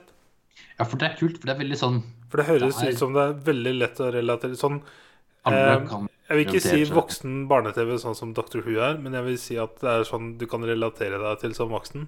Ja, ja. Som er det Pixar måte- har vært så flinke med tidligere. Jepp. For da får du følelsene, da. Fem følelser til jenta her er da visualisert. Ja. Hvordan den kontrollerer oppi huet ditt. ja. Um, med både de der eh, minnene som blir lagra, og så andre ting du får se. Sånn som en, hjem, en sånn glemt vekk eh, fantasivenn ja. de møter på. Og hvordan på en hun fungerer med sånn langtidsminne og minner som blir eh, helt vipa, da. ja. Altså det fungerer, og train of thoughts og sånne ting. Liksom Mm. små ting, da. Men ja, den anbefales. Nice. Det hørtes faktisk eh, Ja. Da har jeg Jeg har um, Skal si, jeg har fortsatt Brave liggende. Jeg vet at det ikke er Pixar, men jeg har fortsatt den liggende. Og så har ja jeg det, er, det er Pixar. Det er Pixar. Ja. Ok, det er en annen Ok, Men jeg har Brave liggende, og så har jeg eh, Zootopia liggende. Og Moana. Mm. De ligger sånn klare for eh, når jeg er Ja. i humør til å se en Pixar-film. ja. Og er alle de Pixar? Nei. Eh, Moana, Disney, Moana. Zootopia, Disney. Right. Ja. Sånn var det. Og så har jeg hørt at den derre um, Denne um, meksikanske um, eh, kultur-Pixar eh, Det er Pixar, ja. Eh, hva heter den igjen, da? Eh, Coco. Det er liksom Day of the Dead-greiene, er det ikke det? Ja. Han Coco. Den har jeg hørt liksom at den er Den er noe du må se. Ja. Den er også mer liksom Ja, se den. Den er også mer musikk også. Ja. Nice. Mm. Good shit. har du la den til lista. Nice. Uh, så så jeg 'Midtsommer'. Åh! Jeg hadde faktisk tenkt å si til deg igjen denne uka at eh, hvis du eh, Jeg tenkte jo ikke det hvis du ikke hadde sett den, men jeg, jeg har sett en del intervjuer med Ari Aster um, siste uka. Mm. Og hørt litt om han, for jeg visste egentlig ikke sånn noe særlig om han. Uh, og så ble jeg liksom bare minnet på at du hadde fortsatt ikke sett den, så jeg hadde bestemt meg for å si til deg denne uka at du, du må bare se den, for jeg har så lyst til å snakke om den. Ja. Så jævlig nice. Sånn som May-Britt, hun gikk etter eh, den uh, Fordi det var skummelt, eller? Nei, ikke det, det, er ikke, det, er ikke, det, er ikke, det er ikke skummelt. Det var den ikke. Det var ikke creepy as fuck. Ja, det er bare mye disturbing. For bare introen var jo sånn OK. Yes. Uh, vi ble introdusert av ja, jo Danny, som er litt sånn fortvila over uh, får ikke tak i søstera si. Og, Ta sånn eh, facts. Ja. Harry Aster skrev og regissert. Han har kun regissert én annen film, tror jeg, og det var en Hereditary. Ja, jeg har kjøpt den, men jeg har ikke helt hørt å se Den- ennå. Tror jeg er litt mer eh, skrekk, tror jeg, da. Nei, ifølge Henrik så skal det gå greit. Ok, greit. Men jeg Så tør ikke jeg, jeg skal faktisk se den, men jeg tror ikke jeg kan se den alene. Ok, Skal vi se sammen, da? Ja, det kan vi gjøre. uh, Florence uh... Jeg, jeg har hørt i intervjuer at de sier Pew. Pew? Ok, Pew. Ja. Pew, Pew. Jeg liker å si Pugg. Pugg. Det er bedre. Uh, William Jackson Harper. Det er han fra Good Place. Ja. Yes. Og Will Poulter. Det er jo de tre jeg kjente igjen trynet på. Og så må jeg si at han eh, som spiller Christian, typen Ja. hans, Jack Raynor. han er en god skuespiller som kan klare å spille så, han spiller liksom sånn fyr du har sett 100 ganger før. Yes. Han gjør det så bra. Som også gir creds til writing, selvfølgelig, men uh, han gjør det så bra. Eh, men ja, Danny prøver å få tak i søstera si, men Og så er det eh, selvfølgelig masse svensker med. i filmen. Ja. Uten at vi trenger å vite navnet men er veldig åpenbart masse svensker vi har. Det gjør det. Eh, men jeg har prøvd å få tak i søstera si, men eh, hun har da tatt livet av seg sjøl og foreldra sine. Ved å da trekke rør fra eksospotter nede opp gjennom huset, inn til soverommet til foreldra, teipe igjen døra. Så har hun teipa eller sånn laga maske over seg sjøl. Ja. Så det er jo disturbing Bird der starter det med at for faen er det Dette er ikke det filmen handler om engang. Nei, nei. Dette er det bare, sånn intro til hvem denne jenta er. Ja, for det er mer sånn at hun bare må være skada, da. Sånn at hun har litt sånn Jesus scarred for life. Det er kanskje den mest brutale introen til en karakter jeg har sett. Ja.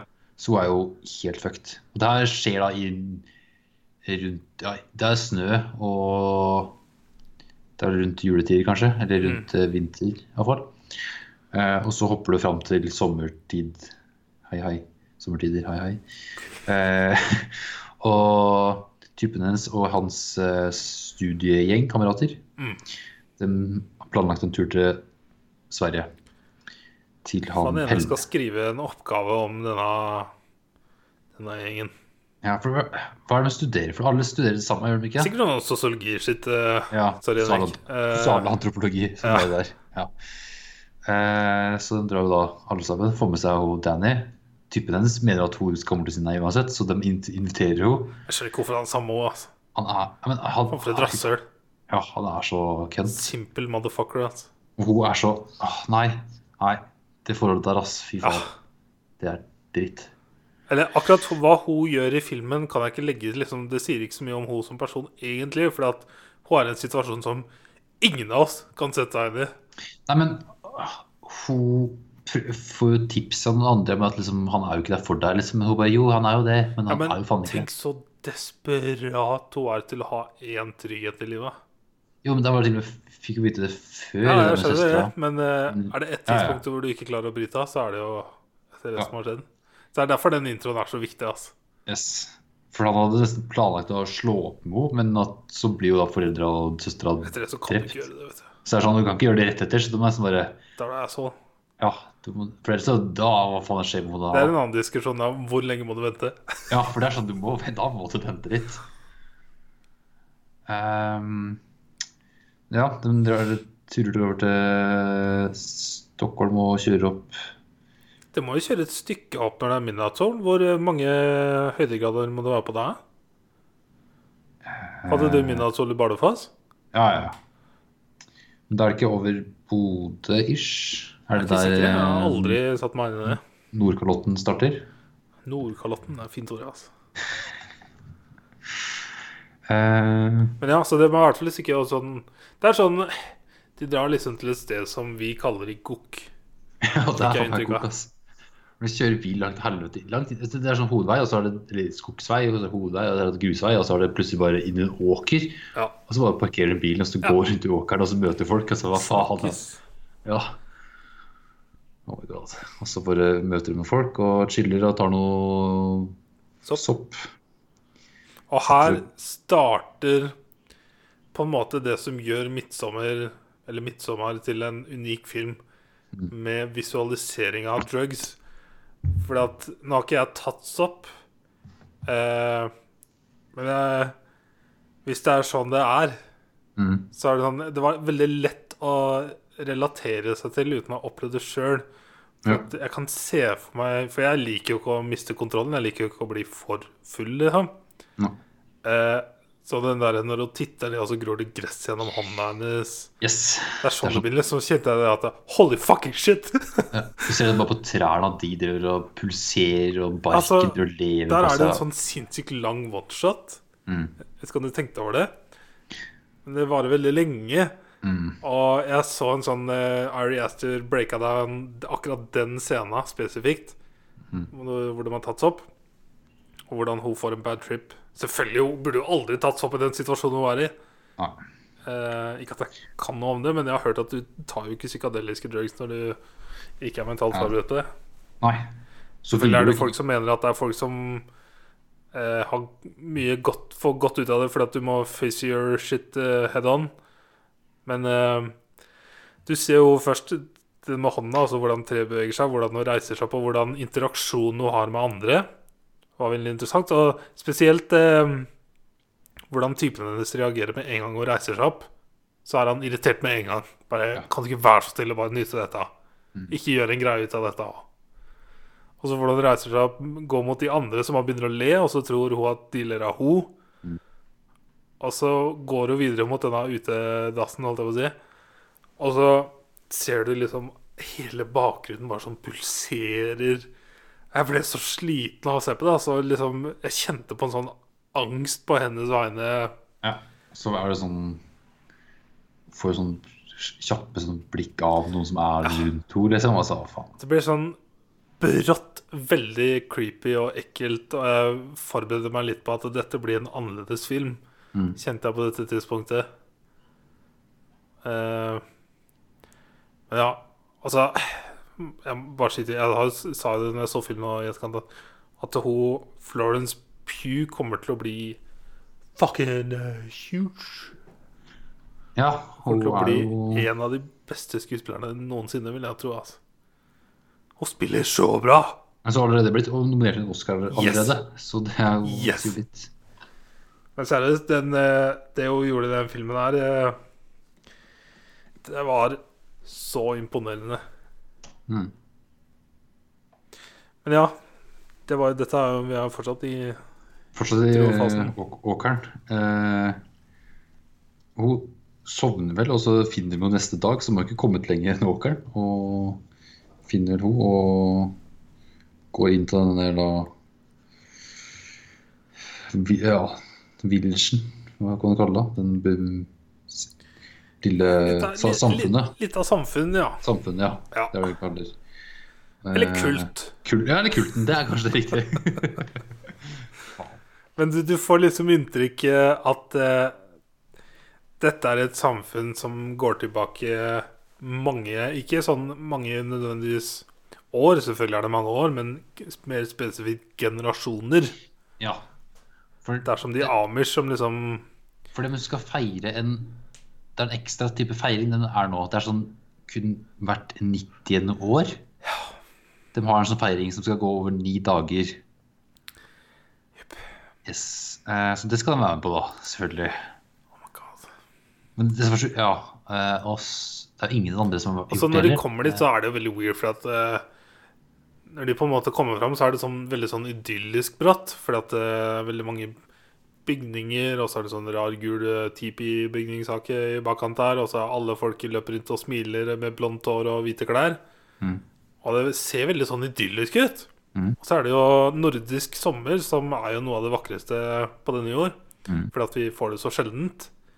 Eh, men det, vi vet jo at det er ugler i mosen, selvfølgelig. Ja, ja. Uh... Så liksom alle er veldig hyggelige og vil ta på deg. Og ja, ja. så liksom alle De sover sammen, liksom. Det er sånn gigantiske rom med mange senger. Flere etasjer eh, er det Ja. masse senger og det er noen felles sovesal, ja. Sånn felles måltider og For det er forskjellige de er forskjellige typer hus. Og sånn, de som er den alderen her, skal de sove her, er det ikke og det? sånn forskjellige oppgaver og Ja. Det er som å være på leirskolen, liksom. Mm. Så får vi lært litt sånn, litt sånn småting litt, litt om den lille kulten her. Eh, så er det jo han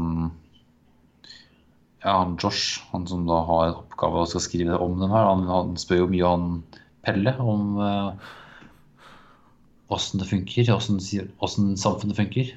Yep. Eh, Så den aldersbestemmelsen er vel sånn fra 0 til Om det var 18 eller noe, Det er jo altså 18 til 30 eller 30 til 72 eller hva det var. Nei, det var noe sånt. Eh,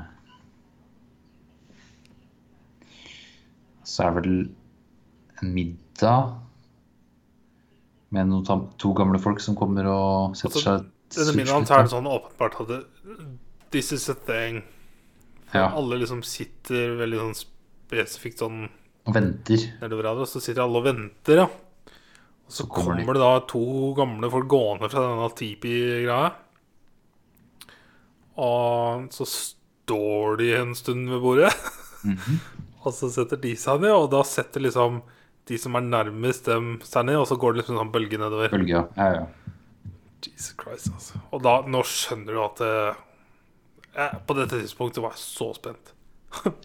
Hva kommer til å skje her nå? Ja, ja, for det er sånne koordinerte ting. Liksom sånn Ja, dette er sånn Dette er et samfunn som åpenbart har mange rare tradisjoner. Og jeg bare Ja. var så spent på å se hva faen det er for noe.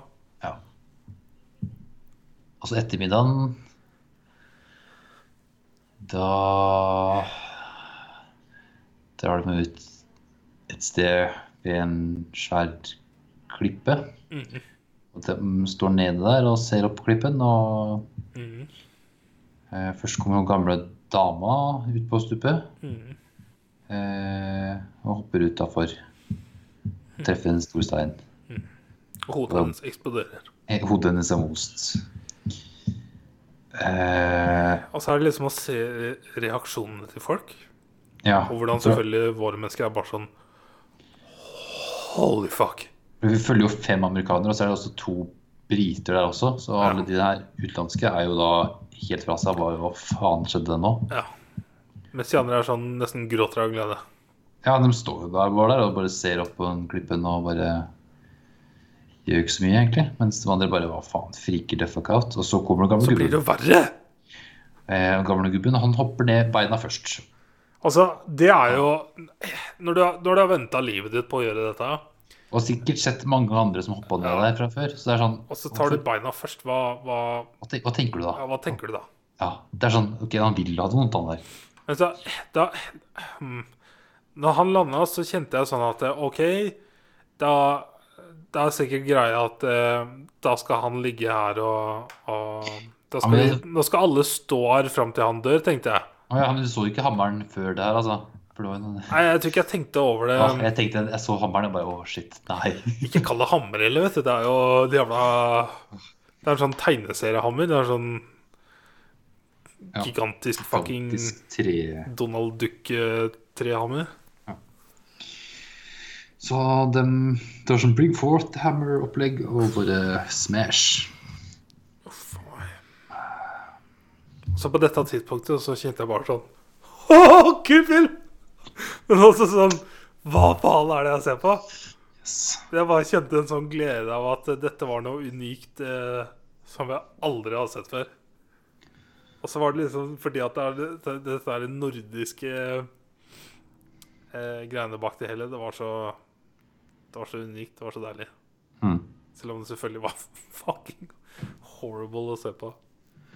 Han Pella liksom, som jeg beklager seg at han ikke har forklart nøye liksom, hva som kommer til å skje. Liksom. han, er jo dette normalt. det er jo helt, tydeligvis helt normalt for ham. Liksom, at de ser på livet som en sirkel, og at man skal dø når man er 72. Ja. Og så neste barnet som blir født, skal sånn ta navnet videre. Og at man Jeg lever husker jeg hadde litt, bare sånn bitte litt mer bakgrunn på eh, løpet til disse folka i USA. På Jeg fikk liksom ikke Er det liksom dette her Nå skal de på en måte skrive bacheloroppgaven sin? Det Eller er det, det er det Josh skal. Hvor lenge har Pelle vært borte? Det er som en del For Josh er jo der kun for å skrive den oppgaven. Det er jo derfor den er der. For han skal skrive om den folka. Eller han skal skrive om Ja, og så er det jo motherfucking Christian som Ja, komme på det. jeg, skal, jeg vil også skrive om det. Ja, for Josh skal skrive litt mer helhetlig om forskjellige samfunn, tror jeg han skal skrive om. Men han Christian han skal kun skrive om de folka her. Ja. For han er så leacher. Yes. Ikke har noen originale ideer eller Mm. Nei. Eh,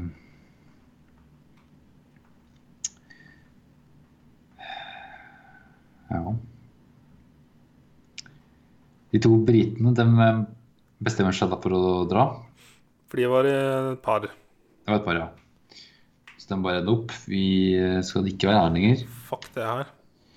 Eh, Så de er ja, Vi får se det de bare liksom går litt offscreen, og så får vi se at hun jenta her kommer tilbake og skal hente alle tinga deres. Mm.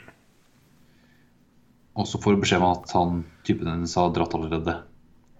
Uten å ha sagt ifra. Fordi den bilen deres var kun plass til to. Sjåføren og en passasjer. Mm. Og at den er på vei tilbake igjen snart. Fikk jeg sånn Hannibal-TV-seriefeeling, altså. Ja, for nå var det sånn Å nei. Å nei. Ah. Så må du vente da på neste bil kommer. Fordi nei, du kunne ikke bruke loven. Det er sånn, herregud, det var stigmatiserte folk, mener jeg.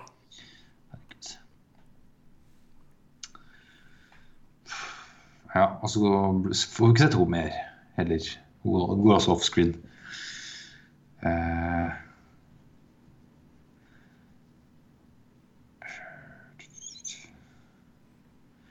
så er det jo litt sånn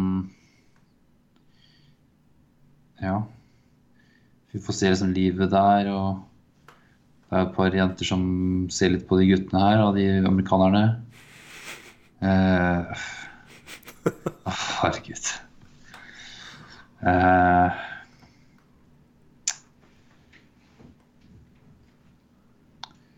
så er det temp... Nei, Ja, tempelet er en egen ting. Det, Det det, som tar eh, det er, jo mye sånne eh, gamle tradisjoner. tradisjoner og folktales og Ja, vi- og sånn. Vi får jo sett Dette en kjønnsorgreiene. Ja, for vi får sette sånn svær sånn der banner sånn, hvordan en jente liksom skal på en måte forføre en gutt ish, Ja. med å plassere Var det noe mensenblod i tillegg, eller? ja, ja, ja. Først var det å klippe litt uh, pubes og ha det oppi noe mat. Og så var det noe mens, ja, mensblod og så oppi en kopp, og, og så gi det til en mann, og så spiser jeg det. spiser Å, fy faen. Ja. Og så først får jo han Å, eh, fy faen. Christian han får jo tydeligvis en ved senga der, en sånn ting ved senga. Om det var en stein eller om det var en det var en rune, var det kanskje. Uh, og så dagen etterpå så spiser jeg noe pai. Jeg vet ikke om vi går inn på en pai egentlig hva det var for noe, men uh, Jeg fikk så Hannibal-feeling, altså. yes, det er sånn mm, meat pie, yay. Og så spiser han litt pubes, og så Nei. Ah. God damn it. Jeg bare forventa å se tomler i paien og sånn, fordi at Ja. sist vi så Pai, var liksom Game of Thrones. Ja. Jeg så jo Den store tå eller noe sånt. Ja. Meat pies er aldri Det er rart at jeg Når jeg er i New Zealand, så er det sånn mm, mm, Fuck yes, Pai! yeah. Så da glemmer jeg alt. Men de filmer hos TV-serier Når er det, så er det sånn Fuck no! Det er sånn Sweeney Todd. Det kommer ikke noe godt ut av det. Eh, og så blir han Ja, tidligere her så har han Mark Han har stått og tissa på et dødt tre. Sånn, og det døde treet, det var jo selvfølgelig der de kastet ja, Var han litt full i tillegg? Eller var det bare pissa han? Det var bare eller Han var sikkert- han var sikkert høy på et eller annet. Ja, jeg mener at han var litt drugga. Ja, ja. Så han gikk og pissa, han. Og pissa på et tre. Dødstre. Eh, eh, og så ble Apollo han forført av en dame vekk fra middagsbordet. Mm. Tatt offscreen og ikke sett så mye mer til. Eh.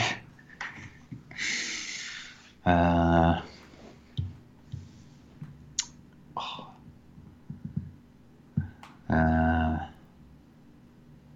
jo, altså han Josh går jo opp på natt, for han har fått Han ble vist den der gamle bok, den boka. Den jævla Fikk sånn Scientology-feeling Ja. på det. Og så er det en skada Innavl. Innavl-kid som da skriver de bøkene her. Som tydeligvis er sånn greie. Jeg fikk alle sånn flashback til viking-TV-serien eh, Vikings eh, og alt sånn old school shit. ass. Ja. Som tydeligvis har sånn at den er pure og simple-minded. Kan skrive i. Så den må tyde da Det var det som å gå inn i en barnehage og plukke opp en bok. Liksom. Og det har fått det ja. Men han eh, sto opp på natta, han. Eh, og tar bilder av den boka. Og snur seg, så ser han jo Mark. Eller tror at han ser Mark, men eh, det er jo bare et ansikt på et, et annet menneske. Og så blir det han slått i huet av den hammeren og drar seg offscreen. Goodbye! Så er vi ned til tre igjen. Nei, er to igjen. Shit, hvor mange er de egentlig? Det er jo bare Danny, Danny og Christian igjen, vel? Ja, Det paret. Og så er det den da dansetest eh, Åh, det, var, det, var, det var så kult. Så Det syns jeg var så kult. blir drugga ned alle damejentene og Vi skal på en måte finne May Queen. Ja, Eh, så du må danse. Det det så eh, Det så så slitsomt ut.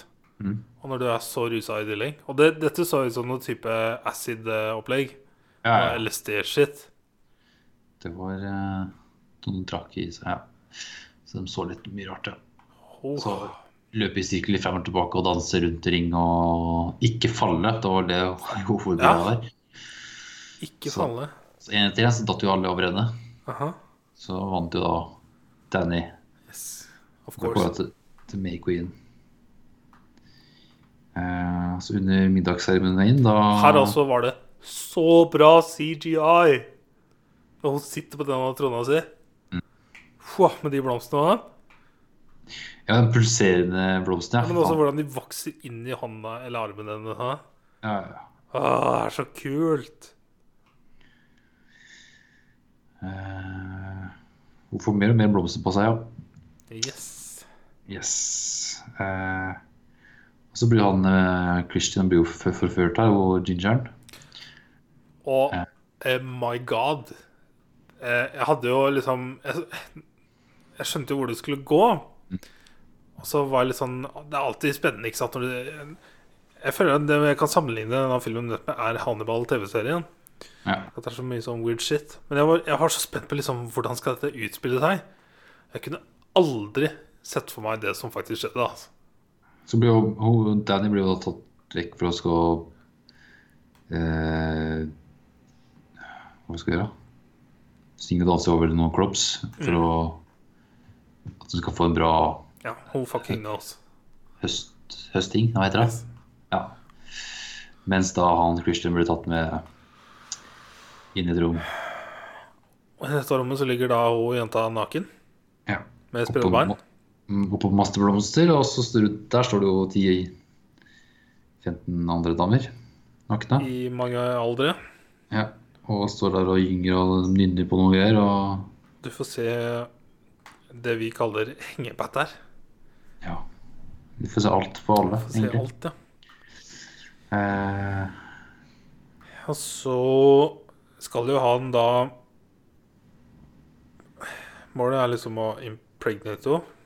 ja, for de har jo hatt litt problem med inbreeding, så det å Eh, få ja. en, det å få en eh, Det er liksom poenget med å hente inn eh, utlendinger. Ja. Outsiders er jo for å få inn litt fresh blood. Ja. Nye gener. Mm. Og det er, det er så grusomt, altså. Det er så grusomt, bare den tankegangen der. Yes. Eh, Så disse damene Jeg skjønner ikke, altså. Åssen kan du forklare meg gangen i hvordan han overtaler seg sjøl til å gjennomføre dette? For det klarer ikke jeg å huske. Han er jo høy.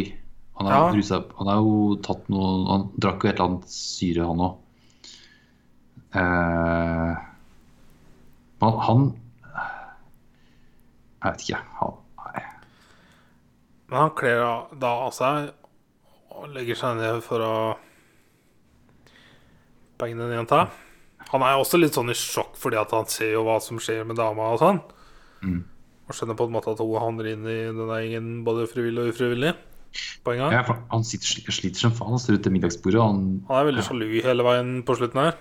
ja, Men når de liksom begynner å bange, så begynner liksom disse damene å stønne med jenta. Så kommer de bort og liksom tar på dem og hjelper han å jobbe og Det, det var eh, jeg har, jeg har ikke sett det før. Nei, Jeg jeg har ikke sett det det før. Eh, det var noe nytt for meg. Eh, nei. så slow clap til uh, Ari Aster, som eh, kunne vise meg noe nytt på TV-skjermen min. Yes. Og så er det jo liksom for meg en av de mest eh, weirde scenene, men også den beste prestasjonen av en skuespillerinne jeg har sett, er jo hva hun Danny? denne driver med. Nå hun går inn på rommet der og flipper. Ja, for hun kommer jo tilbake og så ser jo igjen nøkkelhullet. Ja. Ja, for de sier jo 'ikke gå og se'. ja, ikke gå og se. Det er, sånn, det, er ikke, det er ikke til deg, det her. Ja. Ikke gå og se, så går hun og ser, selvfølgelig. Og så bare oh, shit. Det er den rommet, ja. Så Og går da til senga til på dette fellesrommet og begynner å puste opp et. Ja, så alle, de, alle jentene hennes der, da, de blir jo med, og det vært kult. Altså liksom alle driver og Hjelper jo, liksom. hjelper om å få Med- ut energi. Og det er jo egentlig en sånn Det så ut som en veldig deilig greie. Ja, fordi hun har følt seg så aleine hele tida, Ja. og nå er det jo endelig med en gjeng liksom, som er der og tar liksom, sammen med henne. Men allikevel så så det så fucking crazy ut. Yes. Fordi damene skriker jo. Ja. Og her så glemte jeg på en måte at det var en film, fordi at det, det bare ser så real ut. For Florence spiller så bra. Det ser så fucking weird ut og ekte ut. Håpløst ut og sjokk og liksom Nei, var en utrolig god scene. Ja. Jeg har sett så mange kule videoer på, på Twitter av eh, eh, par hvor dama har eh, hatt venninner på besøk. Ja. Og liksom timer det sånn at når mannen kommer hjem, så driver alle damene med en sånn type seanse. Å, fy faen. Hvor da hun som bor der, driver og skriker og blåser ut, og så joiner de andre han. Og hvordan mennene reagerer når de kommer inn. Øh, snu det, da. Bare sånn Å, faen! Oh my god. Eh, ja. Uh, eh, når han er ferdig, da eh, Han Christian, så løper han ut naken og er litt sånn eh, Hva faen skjedde nå?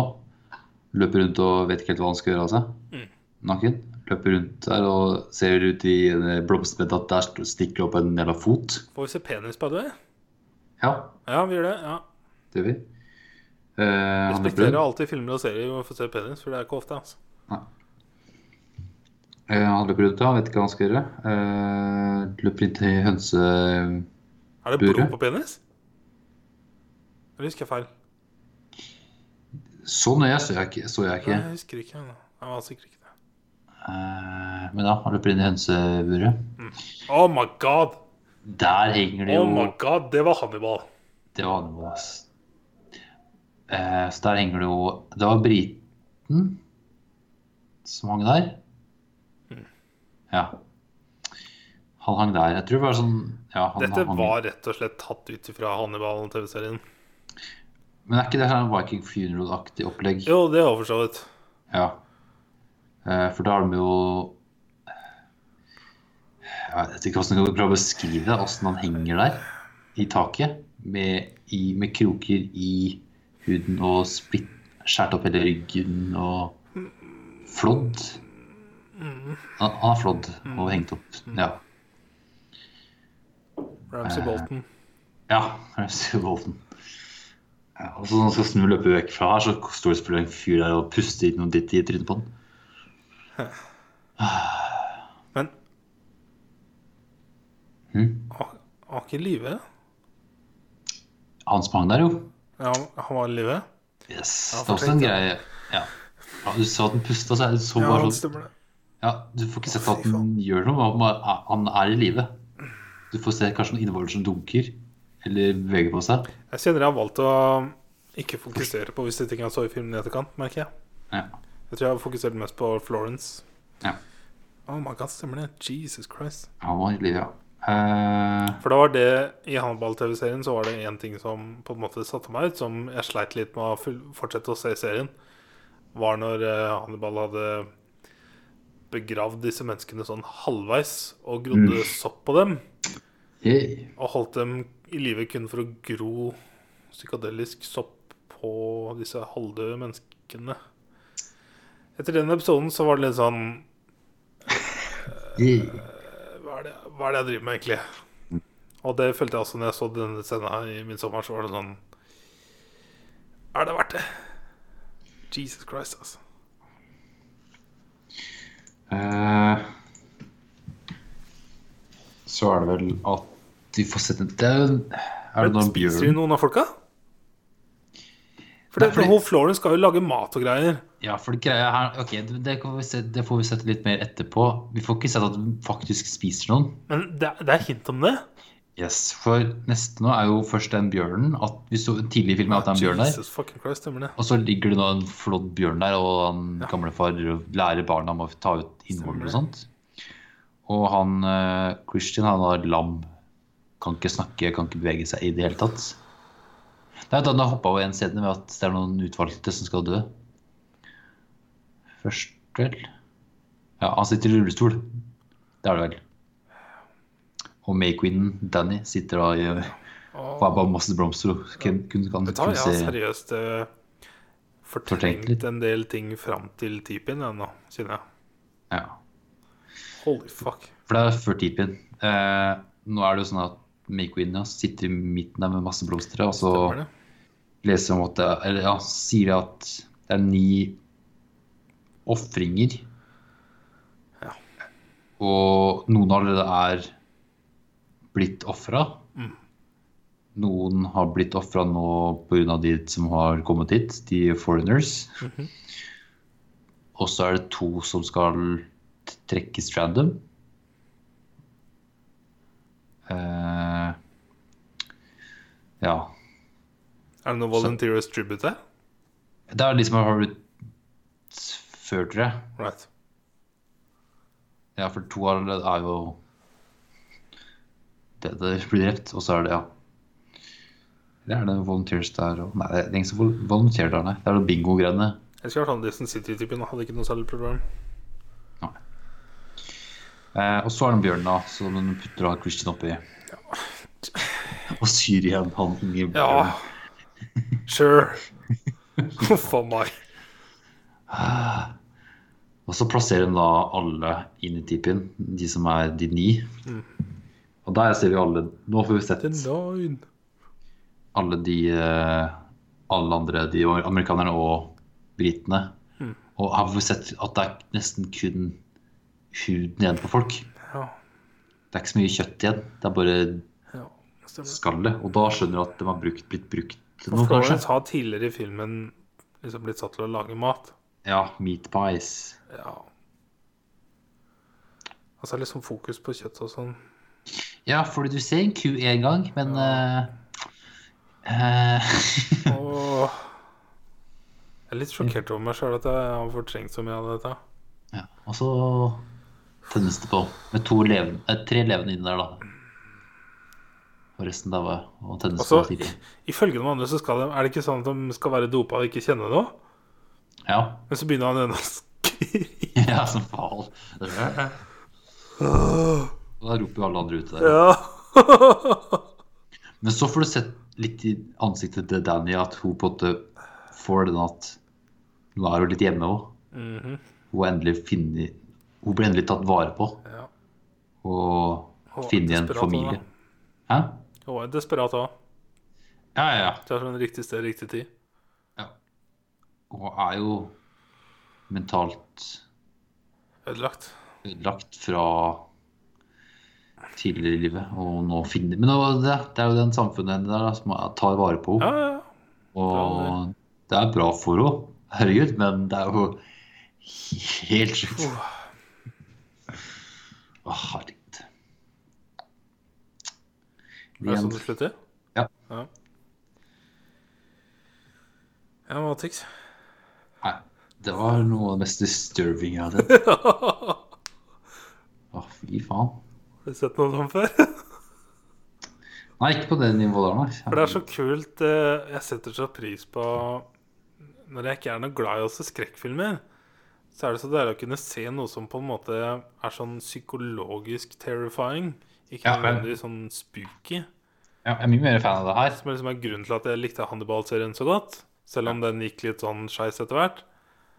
Eh, så satte jeg så pris på den derre psykologiske biten i det som Jeg vil tørre å påstå at du må være uh, Holdt jeg på å si litt spesiell for å kunne se noe sånt. Men eh, det er jo ikke hver og en Jeg kunne ikke anbefalt denne filmen til mamma, liksom. Jeg veit at hun ikke ville likt å se dette. Nei, ingen uh, altså, Kanskje en håndfull personer i livet mitt eller jeg vet om, Ja. kunne jeg ikke det Jeg engang. som regel yngre. Ja. For jeg vokste opp med internett, da, for å si noe. Jeg nevnte det til noen kollegaer i dag på jobben. Hadde jeg sett Ja. den? Og to av dem sa ja, jeg hadde sett den. Ja. Så det er sånn, ja, selvfølgelig. For at eh, Jeg husker jeg bare syntes den var så refreshing og bare noe så nytt. Og det var så deilig å For at eh, Hannibal var eneste stedet jeg hadde fått den feelinga før. Å få sett det i en film, og i tillegg bli introdusert for Florence, som var fantastisk. mm. Eh, så jeg ble så glad når filmen var ferdig, selv om den var fucking grusom, selvfølgelig. Så så glad for å endelig liksom se noe sånn ordentlig nytt, for det er så sjeldent. Ja. Jeg setter så pris på det. ja. Og så er det sånn at Åssen helvete kommer du på alt det greiene her? Den kulten. Ja. er sånn, når, du skal tenke, lage en kult, liksom, bare lage en sånn fantasikult, og så er det her du kommer opp med, da. Ja. Det er helt sjukt. Og så selvfølgelig med inspirasjon fra virkelige ting. Sånn litt sånn Mm. Ja. For at det, Florence spiller jo veldig bra i den der 'Fighting with my family'. Men Ja. her så får du liksom se et sånt nivå som Selvfølgelig må du jo ha flaks som skuespiller og få en sånn type rolle, men eh, ja, Nå snakker jeg på en måte for deg, føler jeg, men jeg syns i hvert fall, som jeg har sagt hundre ganger nå, at jeg ble så overraska over hennes nivå. For det var så Filmen kunne kommet unna med dårligere skuespill. Men når det i tillegg var så bra skuespill, så gjorde det, liksom, Ja. de gjorde det så mye bedre. Ja, ja. Hun var eh, er veldig dyktig. Så det er veldig bra. Herregud. Det er sånn Så jeg gleder meg til å se den der eh, Little Women Ja. Den er Hver gang jeg hører Little Women, så tenker jeg på grevinne og hovmesteren en lang grunn. Little Women! Men så kult. Så bra du så den. Mm. Very nice. Har du Sett sett den av, Frill? Jeg setter en til. En til. Ok, jeg kan, Den får være litt kjapp, da, for nå har jeg sikkert snakka Nei, det er vel ikke så mye annet, egentlig. Nei, det ikke. Eh, Robin Hood. Men, Men in Tights fra 1993. Hæ? Den har jeg sett. Det er den ser- eh, liksom sånn eh, komedieversjonen av den. Yes, det er Hvor dama har sånn eh, truse med nøkkel. Yes. Den har jeg sett! I Ja. barndommen en eller annen gang. Ja, ja. For det kan jeg huske sånne scener fra som var sånn Hva faen er det jeg ser på? Mm. For Margaret har sett den også i barndommen hennes, men jeg har ikke fått med her. Jeg har kun sett eh, Ah.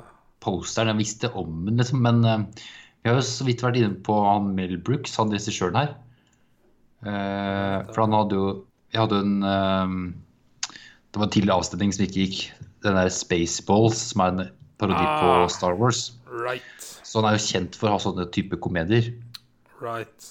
Som Eh, type eh, For vår generasjon så kan vi kanskje, kanskje si Austin Powers. Ja.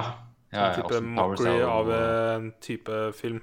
parodifilm. For å si det sånn, jeg mener jo eh, Det er sikkert ikke en original teori fra meg, men jeg mener jo at Jeg har ikke sett Austin Powers-filmen engang, bare sett klipp. For jeg, jeg vet ikke, jeg det er for cheesy for meg.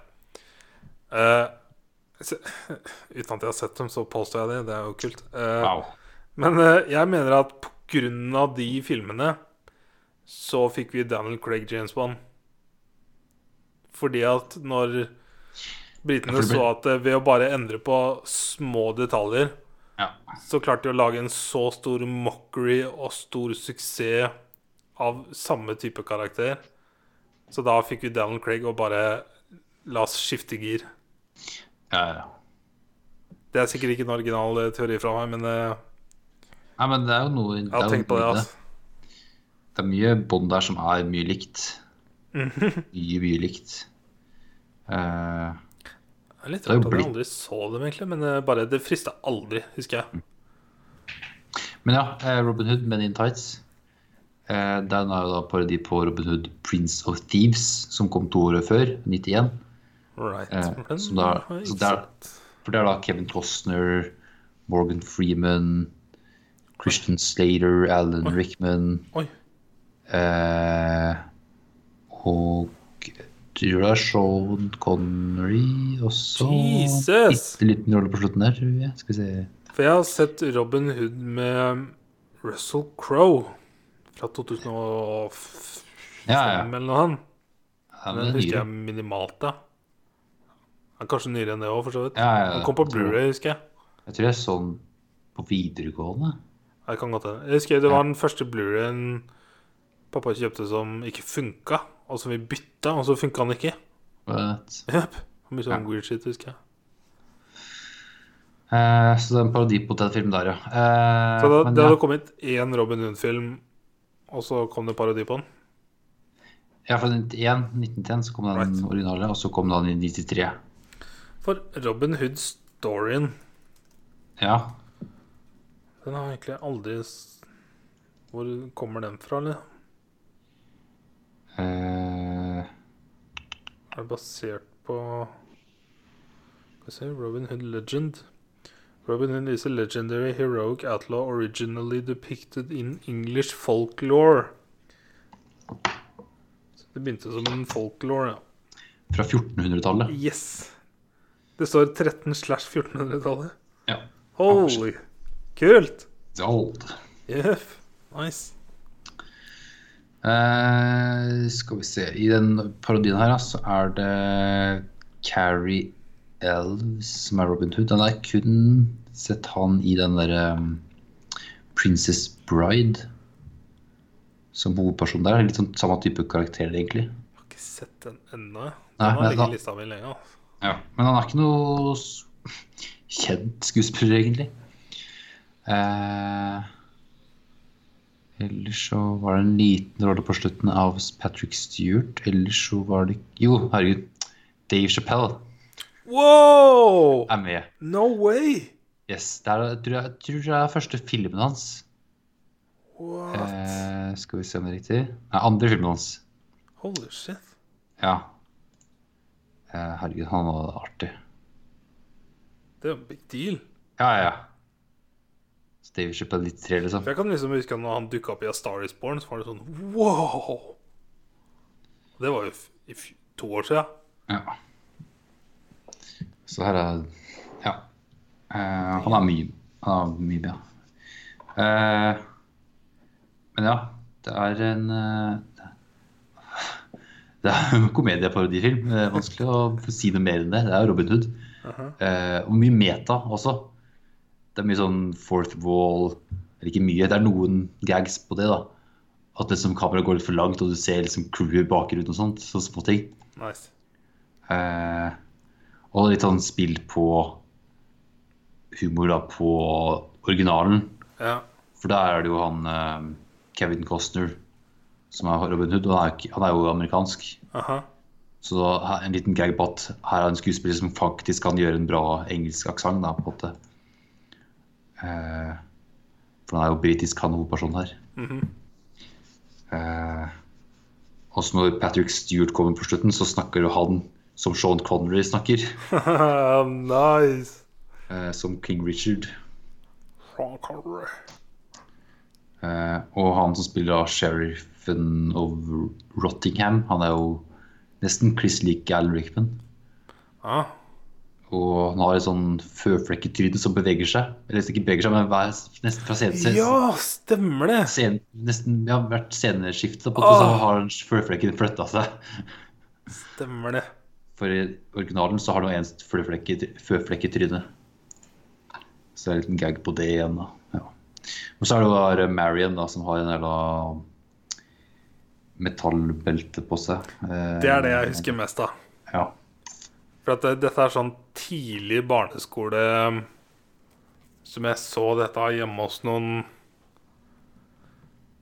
Jeg kan ikke huske hvem det var engang. Men det er, sånn, det er noe av de tidligste minnene jeg har fra noen sånne ting jeg så som jeg bare Hva faen Hva er dette Ja. for noe? ja. For det var sånn metalltruse med nøkkelhull, så var det sånn What? What? Eh, Hva er poenget med dette, liksom? ikke sant? Så hvordan går hun på do? Mhm. Så hun øh, venter jo da på kjærligheten. Mannen som da tydeligvis har nøkkelen. Eh, men tidlig i filmen da, så får jo Robin Hood her Han får jo da en eh, En sånn eh, Hva faen da? Blir det Locket. Sånne ting du kan ha inni ting. Som har tydeligvis arva fra faren sin, og det viser seg på slutten av filmen her, nærmere slutten, da, at i den så er det nøkkel. Right. Ja, men eh, så er, han på vei til å liksom putte den i det nøkkelhullet og, og vri om. Men så er det en liten interruption at de må gifte seg først, og så gjør de det. Og så skal den vri om nøkkelen, og så passer den ikke. Og så må man ringe til Locksmith, og så slutter filmen der. Så den skjønner... Nei, jeg, jeg, det skjønner jeg ikke. Hva er humoren der? Nei, jeg skjønner ikke, fordi det er sånn Eller det var sånn no payoff? Ja, det er det. Humoren. Ja, det er det, fordi tidlig- når han får den locketen, så er det på en måte at det skal være liksom sånn Det er gave at det skal være liksom the best gift ever på det, da. Og det, skal, det make jo litt sens at den da får nøkkelen til ho og sånne ting, men på slutten er det sånn Nei, den passer ikke. Mhm. Så hva faen. Sounds weird. Ja. Eh, ja. Men ja, det er en ganske absurd og artig film, det her. Eh, Nice. Burde sett den Prince of den originalen litt før, for jeg har, jeg har sett den. Men det er lenge siden. Det er lenge siden. ass. Ja. Det er rart liksom Dette er jo sånn typisk eh, I hvert fall den første Robin din er sånn Den kan jeg huske sto i, som VHS i hyllene til folk i barndommen. Ja, ja. Og så var det en gang som var egentlig til eh, Ikke til originalfilmen, men til uh, tegneserien, Disney-filmen. Mm. For der var det der er en, eh, en uh, pil og bue-skytekonkurranse. Som Som, ikke er med, som er kun med i Disney-filmen. Som er også tatt ut fra den at han kler seg ut som en gammel mann. mann. kom Disney-filmen? Det er det jeg også lurer på. Um, Det, det er old school animasjon, eller tegning, sånn som jeg husker det. altså. ja. Skal vi se 73. Holy shit. 3, hvis det er riktig. Ja. Så lenge siden. Ja. Fan, Da må du gå tilbake i episode for å høre på det. ja. Men ja, artig film. Nice. Eh, David Chappelle var veldig bra. Så bra. ja, han var kul. Nice. Alle, alle har jo de der grønne hattene, vet du. I den gjengen Ja, ja, der. ja. Han har den bak fram. Den cap. Robin Hood-hatten var en av de dyreste tingene i Brinscape. I old school Brinscape, da. Ja, ja, selvfølgelig. Yep. Så, så hatten da til uh, Dave Chappelle er bakfra med sånn caps-brem, da. Oh my Sånn der, god. ja, ja, så det er sånn skikkelig gangster-versjon. Nice.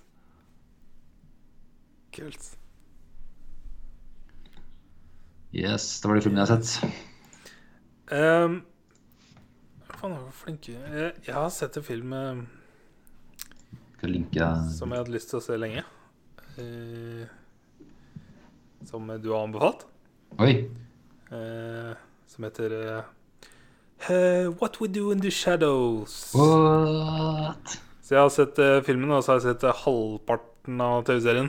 Jeg satt at sesong to kommer nå om et par måneder eller noe. Ja. Så jeg er sånn halvveis gjennom TV-serien. Så Ja. vi kan snakke om det når jeg er ferdig med TV-serien. Men Ja. eh, filmen, Ja. 2014 mm. eh, Jermaine Clement og Taika Waititi mm. skrevet og regissert. Eh, vi er i Wellington, New Zealand. Og følger et eh, kollektiv med vampyrer. Og eh, I Thor Ragnarok så ble jeg også så imponert over hvordan Taika klarte å blåse friskt liv inn i Marvel. Mm. Og var sånn holy shit. Ja. Og så fikk jeg se Jojo Rabbit, som var sånn sjokkerende hvordan du klarer å lage humor ut av nazi... Halilla, halilla! Da lilla, jeg og. Sigurd se hverandre nå, så er det sånn Halilla, halilla, halilla. lilla, hei, lilla! Ah, just highlighting each other. Ja. Eh, selv om den filmen ikke traff sånn 100% for meg, så Eh, var jeg fortsatt sånn imponert over eh, unikheten. Mm. Men eh, What We Do in the Shadows var min type humor, altså. Fy faen, Torkel! Nesten hver eneste replikk. Altså bokstavelig talt, nesten hver eneste replikk kan du le av. Ja. Om det er en sånn eller faktisk latter. Så er det i hvert fall annenhver replikk. Og det er ikke å Det er ikke å dra det for langt. Det er eh, Det er så gjennomført. Altså, du må ha den åpne Du må ha den type humoren, tror jeg. Men eh, for meg var det altså så innertier. Nice. Eh, altså Vi kjenner jo alle vampyr... Eller alle, alle. Jeg og du, i hvert fall. Kjenner vampyrlaw. Ja, vi har sett mye film og serier, så du får jo Og True Blood og alt det greiene der. Så mye sånn litt uh... med familiars og alt dette greiene. Ja, så her er det liksom Og når du da Du har et Si et Jeg kaller det et simpelt tema, for at det, det er jo gjort 100 ganger. Og kommer til å bli gjort hundrevis av ganger til. Men når du klarer da med et så enkelt tema, så simpelt plott, egentlig, å gjøre det så morsomt på grunn av de forskjellige tidsperiodene de er i, og hvordan de hisser på hverandre hele tida og flyr rundt. Og det er så mye kabler og sånn, åpenbart, men det er så morsomt. Og så stadig så kommer hun derre Herregud, og hvordan du skal på byen, og de alltid må bli invitert inn. Oi, oi, oi, altså. Altså, Taika er så herlig i filmen der, altså. Oi, oi, oi. Jeg ble så glad og overraska. Nice. Eh, men også så kult Jeg skjønner hva du mener. Det er veldig kult når det er New Zealand. Mm. Eh, nå har ikke jeg vært i Wellington, men det så jo ut som en typisk eh, by i New Zealand. Ja, ja, det på utsida der. De fleste sånne småbyer Småbyer og småbyer. det er hovedstaden. Ja, ja, men det er eh, største. Auckland er jo byby. Yes, det er jo big Eh, city. Det er sånn Oslo ganger mange. Mm. Eh, spesielt liksom når du zoomer ut og ser bebyggelsen rundt. Det er jo helt ekstremt. Ja. Eh, det er som Jeg husker når jeg fløy inn til LA første gang og var sånn Holy shit! Det er jo hus så langt du ser. Um, men eh, ja, vi følger da Viago, Vladislav, Diken og Peter. uh, så det er sånn Det er jo forskjellige perioder her, men eh, klesstilen er jo selvfølgelig hilarious. Mye sånn fluffy, old school, mye uh, Hva er det det heter? Sånn som på bunaden min, så har jeg mye sånn stæsj i stoffet på skjorta, Ja. eksempel. Sånn, Ja, ja. Det har et begrep. Uh, Sånn ja. Jeg holdt på å si brodder, men det er jo ikke brodder. Det er jo sånn Shit. Ja, whatever. Uh, så er det liksom den yngste vampyren som eh, har kommet fra andre verdenskrig-tida omtrent. Uh, lever på en måte som en dass. Eh, Peter er han eh, eldste vampyren. Var sånn over 8000 år gammel. ja.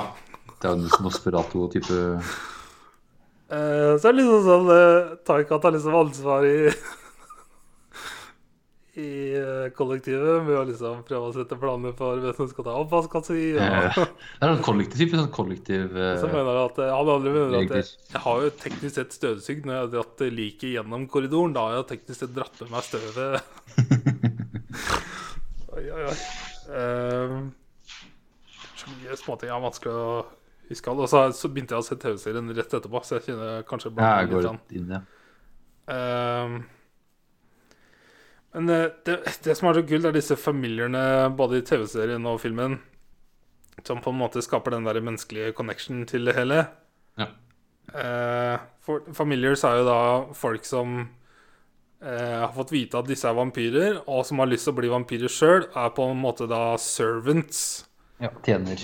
Eller nesten som personlig slave for vampyren sin, i håp om at de en gang skal få bli tørna. Så de fjerner jo lik og rydder rundt og ordner ting om dagen og passer på at det sover godt om natta. Altså, bare åpningsscenen når han åpner kista, hvordan han riser fra kista og titter i kamera. Det er jo et sånt eh, mockumentary-opplegg. For det er på en måte et filmcrew som følger va- vampyrene. Så de er liksom på innsiden av Under Protection of the Vampires. De får lov å lage en dokumentar om det. Eh,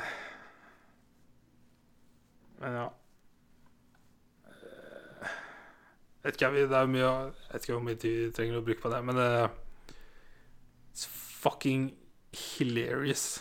Hilarious. Og jeg følte jeg endelig skjønte gleden Taika. du har av Taika. Ja, ja.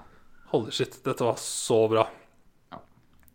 Så jeg gleder meg veldig til reunion-episoden i serien. Jeg har ikke kommet dit ennå. ja nei, For, for i serien så følger vi jo Jeg trodde Taika spilte, men jeg har ikke sett den ennå. Han dukker sikkert opp i den reunion-greia. Ja. Men eh, jeg vet ikke, er de produsenter, eller? Ja eh, For det står bare sånn at de er basert på filmen, selvfølgelig. Men det er jo andre karakterer. Men det er jo helt Det- samme opplegg. Det er uh, Jermaine Clement som har uh, styringa på serien. Right, makes sense. Og så er det Taika som er litt mer writing, også producer. Ja. Oi, oi. Uh, men jeg, jeg trodde eh, Når jeg leste i etterkant at filmen var fra 2014, for jeg tenkte ikke over det når jeg skrudde den på, så tenkte jeg holy shit, jeg skulle tro at det var lenger siden. Men uh, det er jo ikke så lenge siden, faktisk. Nei, Denne kom. det jeg tror kanskje det er sånn året etterpå, eller to år etterpå, kanskje. Ja, det har vært Ja. ikke så lenge siden sånn. nei. Det er liksom å se vampyrer liksom snakke om å paye rent og Ja, ja. Altså, men Spesielt når Taika tar opp dette jævla hjulet som han har laga for å styre chores, liksom. Mm. Og så ikke, Bare sånne standard eh, Nå har ikke jeg bodd i kollektiv, men vi har jo alle sett masse kollektive TV-serier. For ikke å snakke om liksom Friends fra barndommen. Ja, ja, alle vet. Eh, så liksom sånne dagligdagse ting, da. Ja. Og se flere gamle, gamle vampyrer stirrer rundt med det greiene der. Mm. Altså I TV-serien er det jo morsomt fordi at de spiser vi har sett et par scener. Jeg har sett et par scener til hvor de har fått i seg menneskemat. Sist jeg så, var han eh, gamle vampyren som eh, eh, drakk seg full på fullt blod. Og blod med ecstasy og ting og tang. Og så skulle han spise eh, jeg husker, det- Det var en sånn Jeg husker ikke om det var en pølse eller hva det var. Ja. Og så bare spyr altså og bare flyr rundt. Ja, det er så overdramatisk. Men eh, dette her er en av de beste komediene jeg har sett. Altså. Det Nice. var så innertid for meg. Ja. Altså, den er definert på IMDb som comedy horror. Er latterlig. Ja, ja, ja. Null horror i det. Men det er med en gang det kommer litt sånn Det er vampyrer og blod, Ja. så er det horror tydeligvis. Jeg skjønner ikke. Men også det, det smilet Taika har. Hele tida. Det er så bra! Mm. Men det, det, stø- det er som Jeg kommer alltid til å trekke opp uh, The Big Sick, fordi at det var den som fresha opp eh, komedieverdenen min. Som er dette her når du kan ha en komediefilm hvor i hver scene, om ikke nesten hver replikk, er noe som er morsomt. Så er det, da er det så gjennomført. Da er det så bra. Og da merker du forskjell på Adam Sandler-komedier og noe med litt mer dybde. Da skjønner jeg på en måte mer hva comedy er. Ja. Så liksom sånne, sånne greier med å fly rundt når du skal støvsuge vegger og tak og Når politibetjentene kommer og sånn. Ja. Det er så mye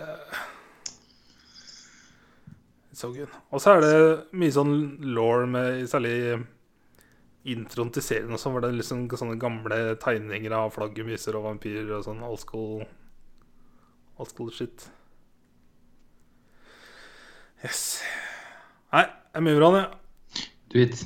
Eh, jeg vil anbefale alle å se What We Do in the Shadows. Holy shit. Eh, jeg har endelig klart å manne meg opp til å se første storslageren til Lars von Trier. Jeg nevnte han så vidt i stad. Eh, Dette er det er han gale dansken. Ja, ja, den er fin. Lager ja. Eh, 'Breaking the Waves' fra 1996. What? To timer og 40 minutter. Eh, dette er liksom første Jeg tror det er første filmen som han virkelig slo gjennom med. Det er i hvert fall den første jeg har valgt å kjøpe. Jeg skal se alle i rekkefølge av de jeg følte var eh, høyest oppe, på en måte. Ja. For denne vant noe sånn eh, Cannes-greier eller noen andre sånne eh, festivaler før han ble nominert for en Oscar, tror jeg. Ja. Emily Watson nominerte Oscar. Ja, og det er altså, dette er sykt. Dette er hennes første rolle. Ever. Ja, det er hun som spiller i Hun er scientisten i Tsjernobyl, Ja, som også Stellan Skarsgård er med i. Ha. Så det var veldig kult å se. For de spiller et par her. What?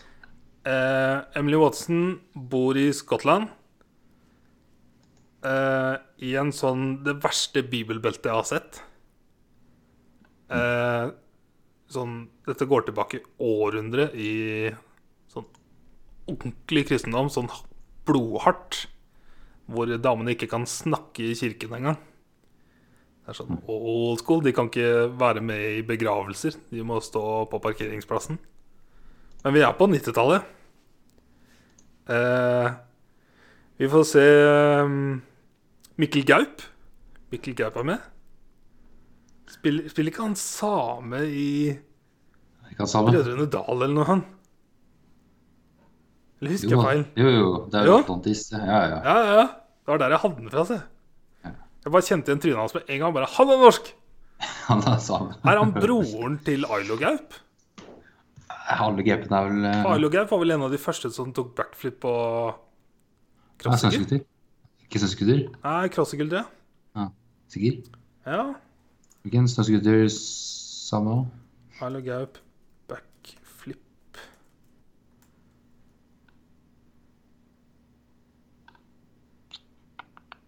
Han var den første europeiske føreren som utførte backflip på crossfigure.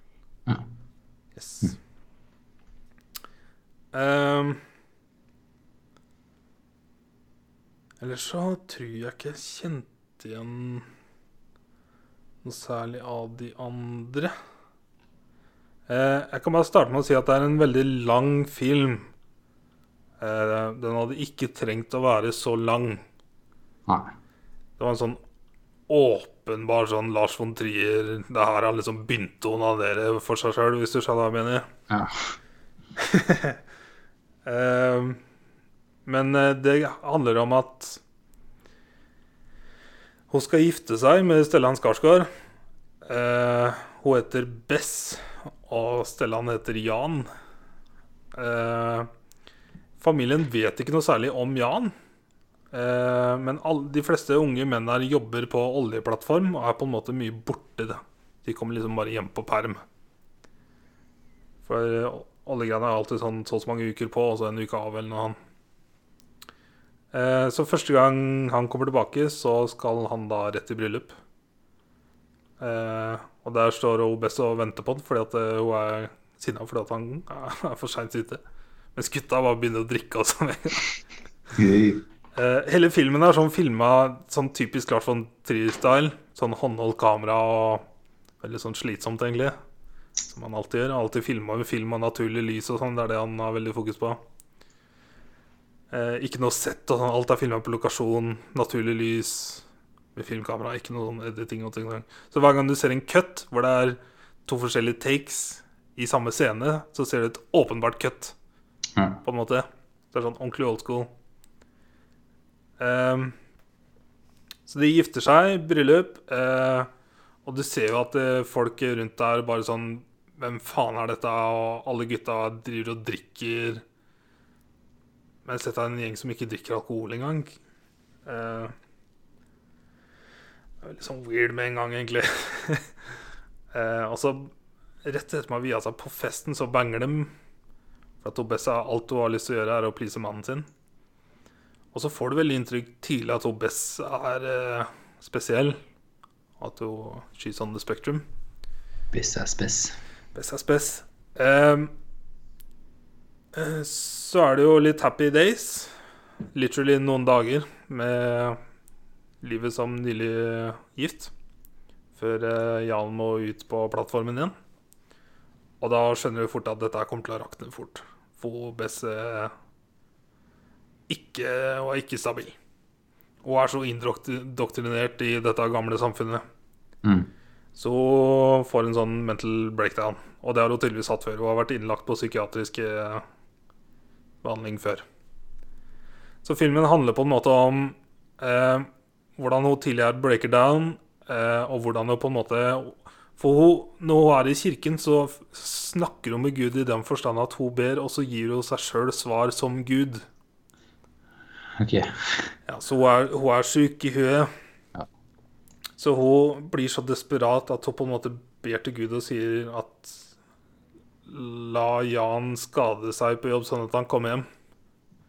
Og så skjer det jo en ulykke da, på plattformen som gjør at Jan kommer tilbake lam. Eh, fra halsen og ned. Og så varer filmen liksom i to timer med at Jan har lyst da at Bess skal ligge med andre menn og fortelle han om det. Det er det resten av filmen går ut på. Dette er sånn Nymphomaniac-style. Jeg, jeg har ikke sett så mange Lars von Trier-filmer. Det er derfor jeg vil se alle. Men her fikk jeg veldig sånn Nymphomaniac-feeling med en gang. Som også er Stellan Skarsgård. Så det er andre gangen jeg har sett penisen til Stellan Skarsgård. Yeah. Yes. Selv om han sier at det er ikke penisen hans, men uh, det er åpenbart hans Det er penis. Jeg kunne sett én film av uh, Hvem er det, ja? Trier. Uh, Melancholia. Ja, jeg har ikke sett denne nå. Så det er denne, og så er det Melancholia, og så er det um, Antichrist og en til med Bjørk. Ok. Ja, jeg husker ikke hva den heter. Det er de jeg har liggende, tror jeg. Mm. Eh, men jeg vil faktisk ikke spoile det. Eh, men på slutten så For det er det som er greia i Lars von, de Lars von Trier-filmene jeg har sett, kanskje bortsett fra Nymphomaniac, som vil si bare The House of Jack Built og denne, så er det på en måte en litt sånn Endinga er litt sånn weird, fordi at du kan Det er flere måter å tolke den på. Litt sånn avhengig av hvordan du velger å se på det. Men det var når endinga kom hvor jeg virkelig sånn skjønte filmen og satte litt pris på den. Hvor jeg skjønte hvorfor han ble så populær som han ble. Eh, så det var eh, Det var nice. Selvfølgelig var det jo fucking Heldig, så En del av scenene med Best var jo selvfølgelig litt harde å se på, men de verste fikk du ikke se. Du bare fikk se eh, i etterkant. Mm. Eh, men filmen er på en måte sånn Jeg, jeg mener du ikke de, andre- Lars von Trier-filmene jeg har sett, er bygd opp på samme måte med kapitler, sånn som Tarantino.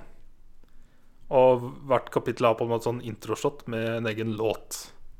Og låtene har en betydning for kapitlet du skal se, merka jeg.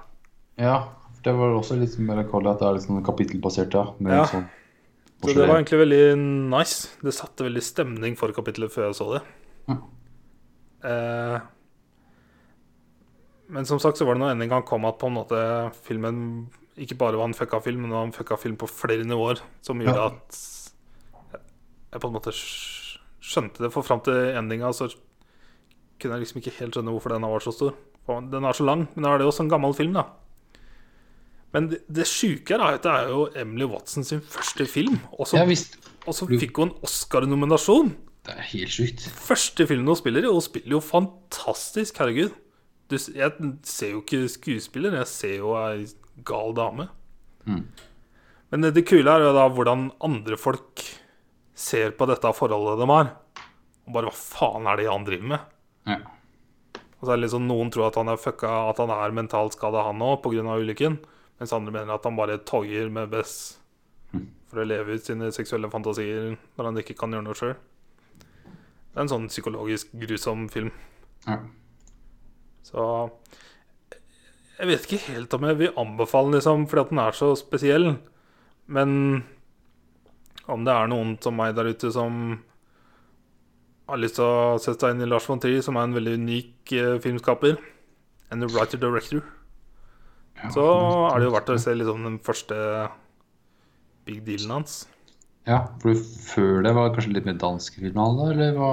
Ja, det var noe Siden det her var første noen. TV-greier og så noen smågreier og noen shorts og jeg. Og så var det denne som liksom var første store. Eh, så har det også vært noe nordisk i etterkant. En film som jeg prøvde å kjøpe, som jeg ikke har fått tak i, som heter 'Idioterne' eller noe sånt, tror jeg. Som er en sånn enten dansk eller svensk. Som er litt sånn moderne IT-folk eller noe sånt som gjør noe fuckery. Jeg husker, jeg husker ikke helt. Men jeg har ikke fått tak i den. På IMDb-en hans så står det 'uncredited' som director, men det står director inne på What? filmen. Weird. Ah, er fil- weird fyr, da. Ja. Eh, Skal vi se, var det noe fun facts her, da? Uh,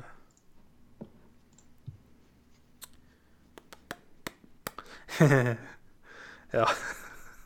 Hva var dette? Jeg skrev notatene mine 'sjekk fun facts', spesielt nummer to. Det var In a 2005 interview by Swedish journalist Stina Dabrowski, Lars von Trier said the following about the film. I was determined to write a story that was so far fetched and so full of cliches that no one could take it seriously, but of course the audience liked it. All you have to do is come up with something really stupid, and it will become a great success. Faen, for en fucking cocky douchebag, altså. Oh my god. Ja, det er så pretensiøst. Det er helt sjukt. Eh, denne filmen var nummer seks av favorittfilmene til eh, Scorsasa på 90-tallet. Eh, dette er en av sju filmer Stellan Skarsgård har vært med i, av Lars von Trier. Ja, den andre filmen er 'Dancer in the Dark'. er neste film jeg skal se som er med Bjørk. Ja. Det er 'Dancer in the Dark', 'Dogville', 'Melancholia'. Det er de neste tre jeg skal se. Og så er det 'Nymphomania Kenneth 2', som jeg har Nice. sett. Ja. Yes. Cool. Så det var den filmen. Cool, cool, cool. cool. Eh, I nyheter så er det mer Uncharted-nyheter. Hvordan står det der? Hvem har droppa ut nå, eller hvem er det Ja, som er med? jeg husker ikke. vet du. Skal vi se. Uh, ja, nå skal Uncharted-filmen starte å filme om fire uker. Ja, Etter såpass, ja. over ti år i development. Ja. Så vi får se, da. Kanskje, kanskje ikke. Jeg har så ikke trua, altså. Jævla Marky Mark som Sully. Mark Yes, serier, da. Ja. Noin, noin. Noin, noin. Her var det, Eh, følte jeg at det, dette var en sånn eh, lek som vi har sett før. Men eh, jeg huska ikke eh, leken. ja, eh, Hva heter det? Jam, Jimmy Jab Jimmy Ja, Jab Capes. Sånn. To heter episoden, så vi har tydeligvis sett det i Narn. Ja, Men de Eh, har jo så så- mange leker at det, Ja, ja, ja. Så det her var en sånn derre Ikke rebusløp, men det var fordi at det eh, var en sånn downtime fordi at det var noen parader og sånt, så de var egentlig bare sånn backup-kontordag. kontorlag. Ja. Så da var det noen games ja, som Charles- Jake satte i gang. Ja, Jake satte i gang, men uh, Charles fikk uh, ta over som uh, the greatest showman. Jeg har ikke sett The Greatest Showman, men jeg ser for meg Ah. at det var veldig godt. Veldig spot on, ja. For herregud. Brytete sang hele tida, og Mela Stokken var Og så har den på en måte introdusert en ny karakter nå. Ja, og der Ja. Jeg skjønner ikke hvorfor de skrev ut Gina. Jeg Altså, Altså, jeg det- hørte jo Chelsea Peretti i intervjuer si det at jeg vet ikke hva som skjedde.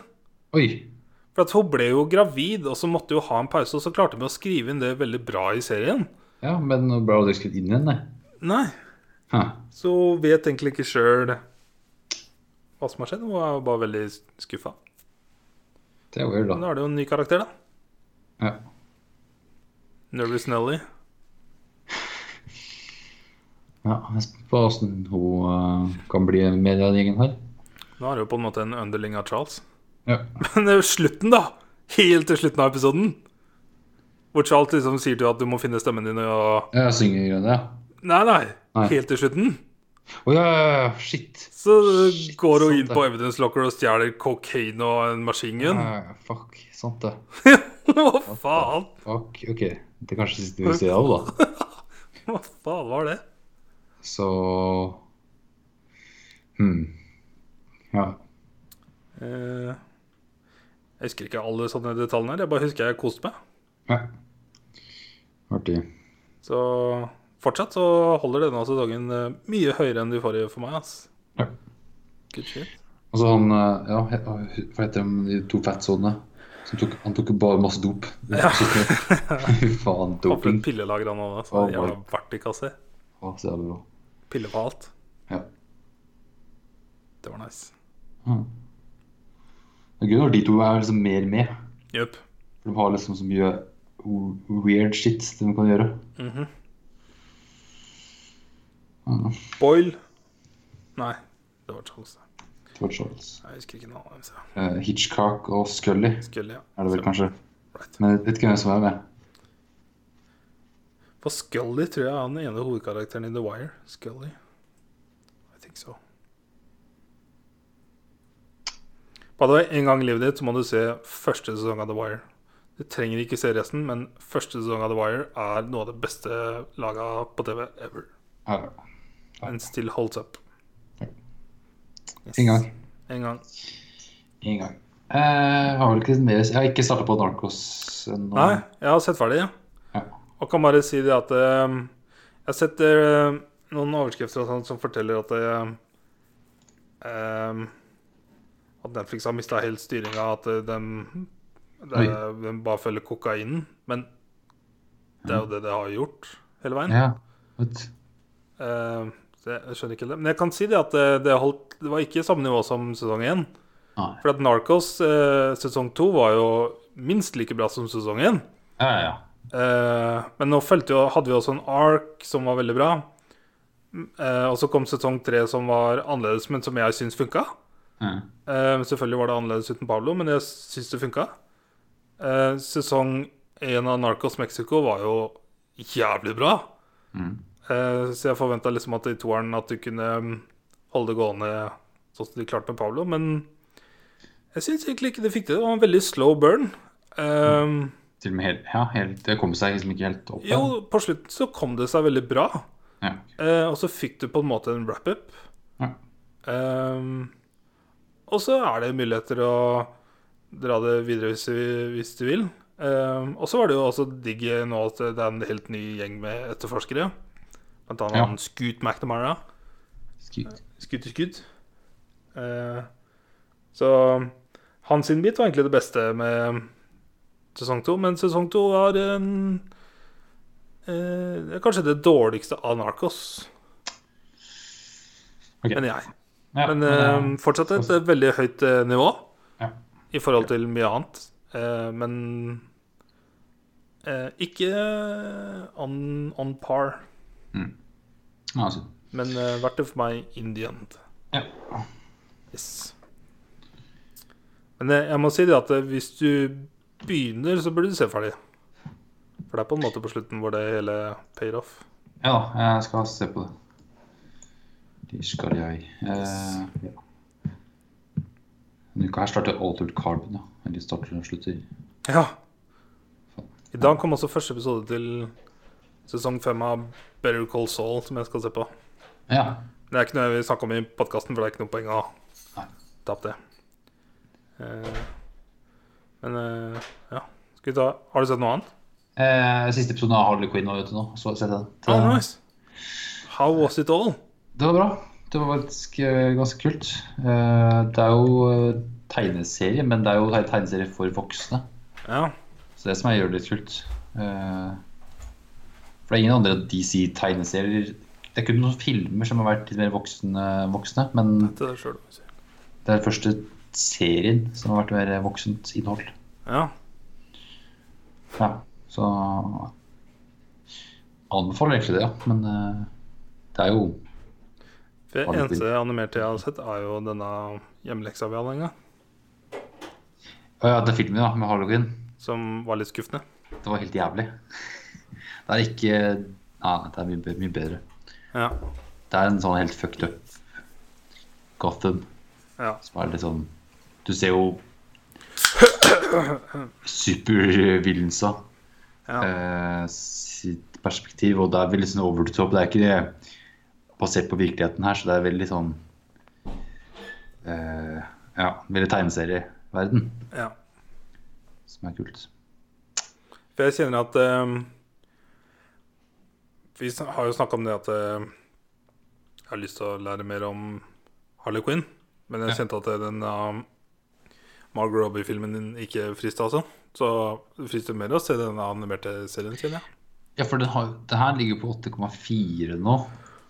Ja. Men Birds Prayer ligger på 6,2. ja. Ikke sant?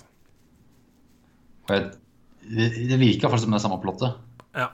6,6 ligger det på. Det er sånn breakup med Joker og skaffe seg en egen gjeng og prøve å være seg, stå på egne bein. Mm. Yes. Nice.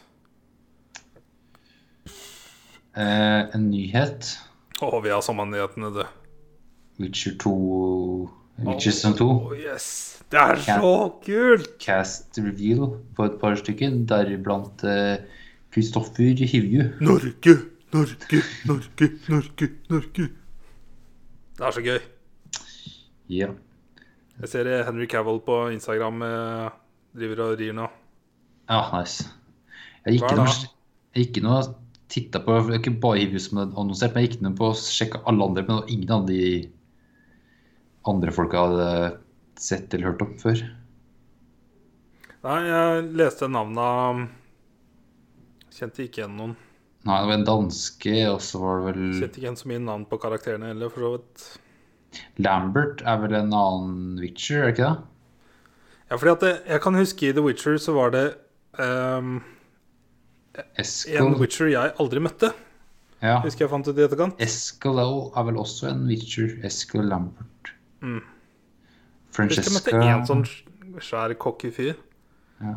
Uh, men jeg husker, jeg husker ikke om jeg snakka med deg, eller om jeg googla, eller hva det var. For det var denne burninga av Eller begravelsen til Vesemir, hvor på en måte Det er det punktet hvor du får se hvem du har med. ja. Og der hadde jeg tydeligvis mangla en på en måte som jeg kunne ha hatt om jeg hadde møtt den. Ah. Ja, for jeg hadde alle Ja, for du hadde en som For jeg husker vi snakka om Ja. eh, Du drev og snakka om en Witcher du hadde møtt, og så bare Det hørtes ikke kjent ut i det hele tatt. Nei. Og så fant vi ut at å ja, han, han har jeg faktisk aldri møtt. Nei. Ja, gu- googla Lambert, ja. Det er en uh, Witcher Ja. Jeg kjenner at jeg må være forberedt når jeg skal begynne å høre Witcher-bøkene, på å være klar på å sitte og google bare for å plukke opp eh, navnet fra starten. Bare for å se om jeg kjenner igjen. Det, sånn jeg kommer til å google, så kommer jeg til å kun google navnene for å se om det er noen bilder fra spilla.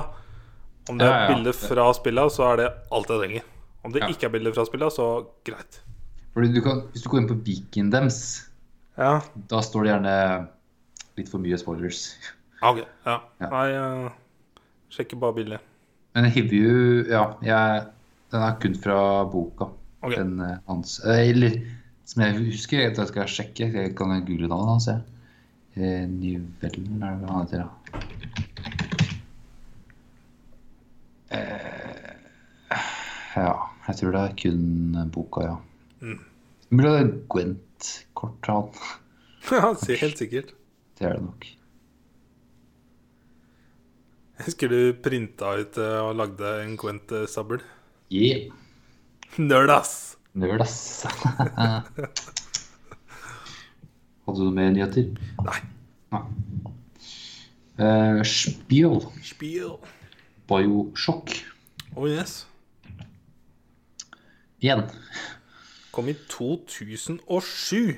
Holy shit. Det er nå 13 år siden, Torgeir. Jeg, har- jeg, har, eh, jeg spilte det litt på PS3, faktisk. Så det, Getting old. Det var Jeg, jeg tror jeg kunne spilt én time eller to.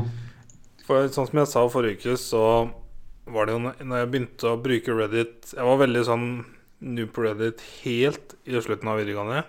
Og så var det første semesteret på høyskolen hvor jeg virkelig begynte å bruke Reddit. Eh, og da var liksom De første sånn gaming-memes jeg så, var Bioshock. Ja. Og det var jo da flere år etter eh, Etter det kom. Ja, ja, 2007, ja. Det er jo noen år etterpå, det. Yep. Jeg har spilt um, på en måte introen. Um, så det kom liksom en pling at det var ferdig med introen. Hvor lenge spilte du da? Vet du? Ja, Godt spørsmål. Um, men jeg har på en måte kommet meg gjennom starten og får... liksom ferdig med første bane, for det er jo baner, virker det som. Når du åpner kartet, så ser du liksom hele banen. Ja, kanskje jeg Og så fortsatt kom jeg inn til et nytt sted hvor det på en måte var et nytt kart. Uh, og så er jeg der. Ja. Jeg har eh, på en måte hacka for første gang. ja. Hva hacka du? Jeg hacka eh, en robot som var klemt i en heis. Ja. Og så har jeg hacka eh, sånne Centriguns eh, som sto. ja. Så jeg er på en måte det stedet hvor de, du møter de sentrygunene for første gang. står fast. Det, er- det, det er akkurat der jeg er òg. Er det det, eller? Yes, jeg hacka altså én sentigen, og så, så Jeg hacka to av dem.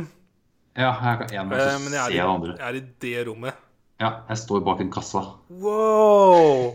nice. Wow! Fordi at det, sånn som jeg kjenner, så er det jo gammelt. Mm. Og så er det en sånn gameplay-style som jeg på en måte ikke er så fan av. Selv om dette virker helt greit hittil, så er det på en måte sånn Jeg, jeg føler jeg spiller det mer for storyen og for Lauren. Ja, ja, ja. For når jeg spilte det Jeg vet ikke hvorfor, men det, jeg, det satt det som ikke i det hele tatt når jeg spilte det sist gang. Ja. Eh, så jeg, nå er jeg villig til å gi det en mer større sjanse. Ja, for jeg kjenner at eh, akkurat nå så eh, gleder jeg meg til å fortsette. Fordi at det, det eneste jeg kjenner på, er at så fort jeg føler at det ikke er gøy, om jeg møter på den der på grunn av gameplay, eh, Ja, så vil jeg bare skru ned vanskelighetsgraden på det letteste, bare for å få storyen. Ja. Selv om det ikke er noe vanskelig nå, så kan jeg se for meg at dette vil irritere meg. Ja, for det kommer til nok til å være flere abilities du må ha. For akkurat nå er det veldig greit å stønne eller å stø uh, gi strøm til vann og sånn er veldig nice. Mm. Og så den komboen med stønning og headshots er veldig nice. Ja. Eller bare du bruker stønn og så bare ett slag mer. Og, Ja, ikke sant? Det er nice. Men, Men jeg eh, merker at det, det er kanskje det kom- grunnen til at jeg stoppa der jeg stoppa. At det, jeg ikke Ja. var forberedt på å gå videre og møte 100 folk. Mm. For jeg ser for meg at det kanskje kan bli litt repetitivt da, siden jeg er så gammelt. Men I don't fucking know. Nei, jeg tror nok bossfightene kanskje kan bli litt unike. Men det kule er jo at uh, Det kule var at vi fikk et jævla fyrtårn helt i starten av spillet. Ja, det starter med at det er en fly Det, er, det starter med flykrasj. Du sitter på fly, og du krasjer Ja. i vannet, og du er den eneste som overlever, tydeligvis. Og så er det et fyrtårn. Ja. Du går ned i det fyrtårnet, og så bare går du ned under vann. Og havner i En. Atlantis, holdt jeg på å si. Men det heter The Rapture, da. Rapture. Og du får en litt intro om at det er en sånn fyr som har bygd opp hele greiene, ideologien sin. For at Og- eh, vi var for treige på overflaten, og han bare fuck it. Ja. Så det er satt til 1960 med mye Jeg liker konseptet, ass. Ja, konseptet er dritfett. Og så er det mye sånn Man har på samla alle de beste folka i på verden av scientist og bare går Mm. løs på ting. Og de har kommet opp med forskjellige Og så merker du måter å endre DNA på at det blir sånn superhumans på at å Ja. få ekstra powers. Og så merker du så tidlig at det, det er så fokus på detaljer her. At når du kommer inn, så Om det er et skilt eller noe sånt så du kan alltid lese ting. Og det er sånne old school ads for ting. Mm. Og Vet ikke, jeg. Jeg bare merker at det, it's a thing, eller at det var en thing. Ja. Jeg skjønner at det, it's quality. Altså, jeg er bare forberedt på at jeg tror jeg kommer til å gå lei gameplay, sånn som jeg gjorde i I Infinite og Dishonored. Ja. og Thief. Det er den type spill, ja. Ja. Uh, Men det er Ja. Så lenge vi får nye abilities, kanskje, og litt mer sånn at du må bruke dem på forskjellige måter. Så bare håper jeg det ikke blir sånn for creepy. For Infinite var sånn Det var så friskt og så mye farger. Ja. Og du hadde en companion Jeg venter jo hele tida på liksom Jeg vet ikke hva jeg så for meg, men Vi har jo møtt eh, Eller sett uh, Little Sister og Big Daddy. Little Sister er jo creepy as all fuck. Uh, og Big Daddy er badass. ja. Men jeg trodde liksom Mitt inntrykk av Bioshock var at vi skulle styre Big Daddy. Ja, for det, det Det var det er jeg trodde Eller hadde Ja. sett for meg. Det er det som er coveret, liksom. Det er jo det er Big Daddy som er frontfiguren. Yep. Men det er jo ikke i det hele tatt. Det er både Det er pave emeritus. Mm. Men eh, nei da. Yes, da. For nei, jeg sliter jo med å huske Infinite. Men jeg håper at det blir Syns det er såpass kult at eh, jeg drar gjennom eneren og toeren. For jeg ser på at det ikke er sånn superlang story. Og så Ja, men- at eh, jeg syns det er så kult at jeg kan spille Infinite på nytt og så liksom få hele trilogien. Så har vi også toeren nå. Ja. Ja. Spille eneren og toeren. Bioshock main story eneren er tolv timer. Ja, ikke sant? Det kan jeg faen meg klare, altså. Det er lengste av de tre spillene. Toeren er 11, Elleve 11 timer, er toeren, og så er Infinite 11,5. Vi har spilt Death Stranding i 50 timer, står det nede. Så det her går jo Det var fort. repetitivt, det. Det her går på et blunk. Nice. Da skylder jeg meg sjøl å spille igjen nå. Hele trilogien, da. Det står for det er solo er 46,5 timer her, da. Ja, det er mindre sammen. enn Death Stranding. På tre, det er tre spill. Ja. ja, det må Så. egentlig bare Ja. Men uh, vi har jo egentlig ikke fått noe ordentlig inntrykk av spillet ennå, egentlig. Nei, det var kun introen her. Men også jeg, jeg, jeg, sånn at det er en remaster fra 2007, så holder det seg veldig bra. Ja, Sånn, Looks ja, pretty good, ass. ja. Remasteren er fra 2016, så remasteren er fire år gammel allerede. Ja. Holy shit. Kult. Ja. Nice. Spilte du mer, da? Uh, ja, så vidt spilt litt mer Star Wars, tror jeg. Tror jeg kanskje du spilte litt mer Ja. Mhm. Ja. Yes. Kunne ta skjedde. Ja. Ehm, jeg skal ikke prate så mye om det. Eh, men eh, jeg har spilt ferdig Assassin's Creed. Ja. Uh, Runda DLC-ene. Alle sammen? Ja. Yes. eh, I have revealed the fate of Atlantis. Yep. Eh, og på en måte, sånn som forrige spiller slutta, så var jeg så skuffa over at jeg ikke fikk spille Leila med, fordi at hun IRL. For at jeg syntes det var så interessant. Eh, mens her så på en måte får du gjøre det. Eh, og i siste Eller siste delscenen i Odyssey så er du jo i Elysium, i himmelen, i paradis, og du er i eh, Hva heter det Underworld, da? Hos Hades? Uh, uh, Underworld. eller er kanskje bare Underworld? Ja. Og så er du i Atlantis, hos Poseidon. Eh, men det kule var at Alt det liksom som går tilbake til første Assassin's Creed, og spesielt Ezio. Og Minerva og Juno og alt dette greiene her, ikke sant? ja. Etter så mange år så har jeg endelig fått så mye svar. Og lært så mye, som er liksom grunnen til at Assassin's Creed har sittet så dypt inni meg. Og Har lært så masse om disse The people who came before us. Mm. Og Isundet, som de heter. Og grunnen til Odyssey, når du spiller før Assassins, er jo for å lære om disse. Uh, og det blir jo liksom tatt opp her, det som skjer i Etzio-trilogien. Uh, møter liksom Juno og Ja, det var, det var eh, dritkult. Selv om gameplay er altså noe av det mest repetitive ever, så er det jo bare veldig flaks at jeg elsker det. Eh, fordi at eh, Å få den Assassin's Creed-storyen, den Lauren, å få så mye svar på det, var eh, skikkelig kult. Så Det var det egentlig. Ja. Så, men eh, det, du kommer aldri til å dra deg gjennom spillet, Ikke det, jeg tror ikke bare å se en YouTube-video som oppsummerer alt det der. For jeg tror jeg har sett noe av det der eh, Prøvd å explaine ja. de good greiene. Det er sånn det er umulig å skjønne seg på det. ja, for det er fortsatt ikke mulig å sånn skjønne seg ordentlig på det. Nei. Det er, det er, Men det er fortsatt ikke ferdig. det er mer men, eh, enn eh, Kojima-spill, det her. Ja, fordi at nå, på den siste episoden her Men du må liksom Eller det er jo to DLC-er med tre episoder. Og det er den siste DLC-en hvor du liksom virkelig får det inn. Og spesielt den siste tredje episoden.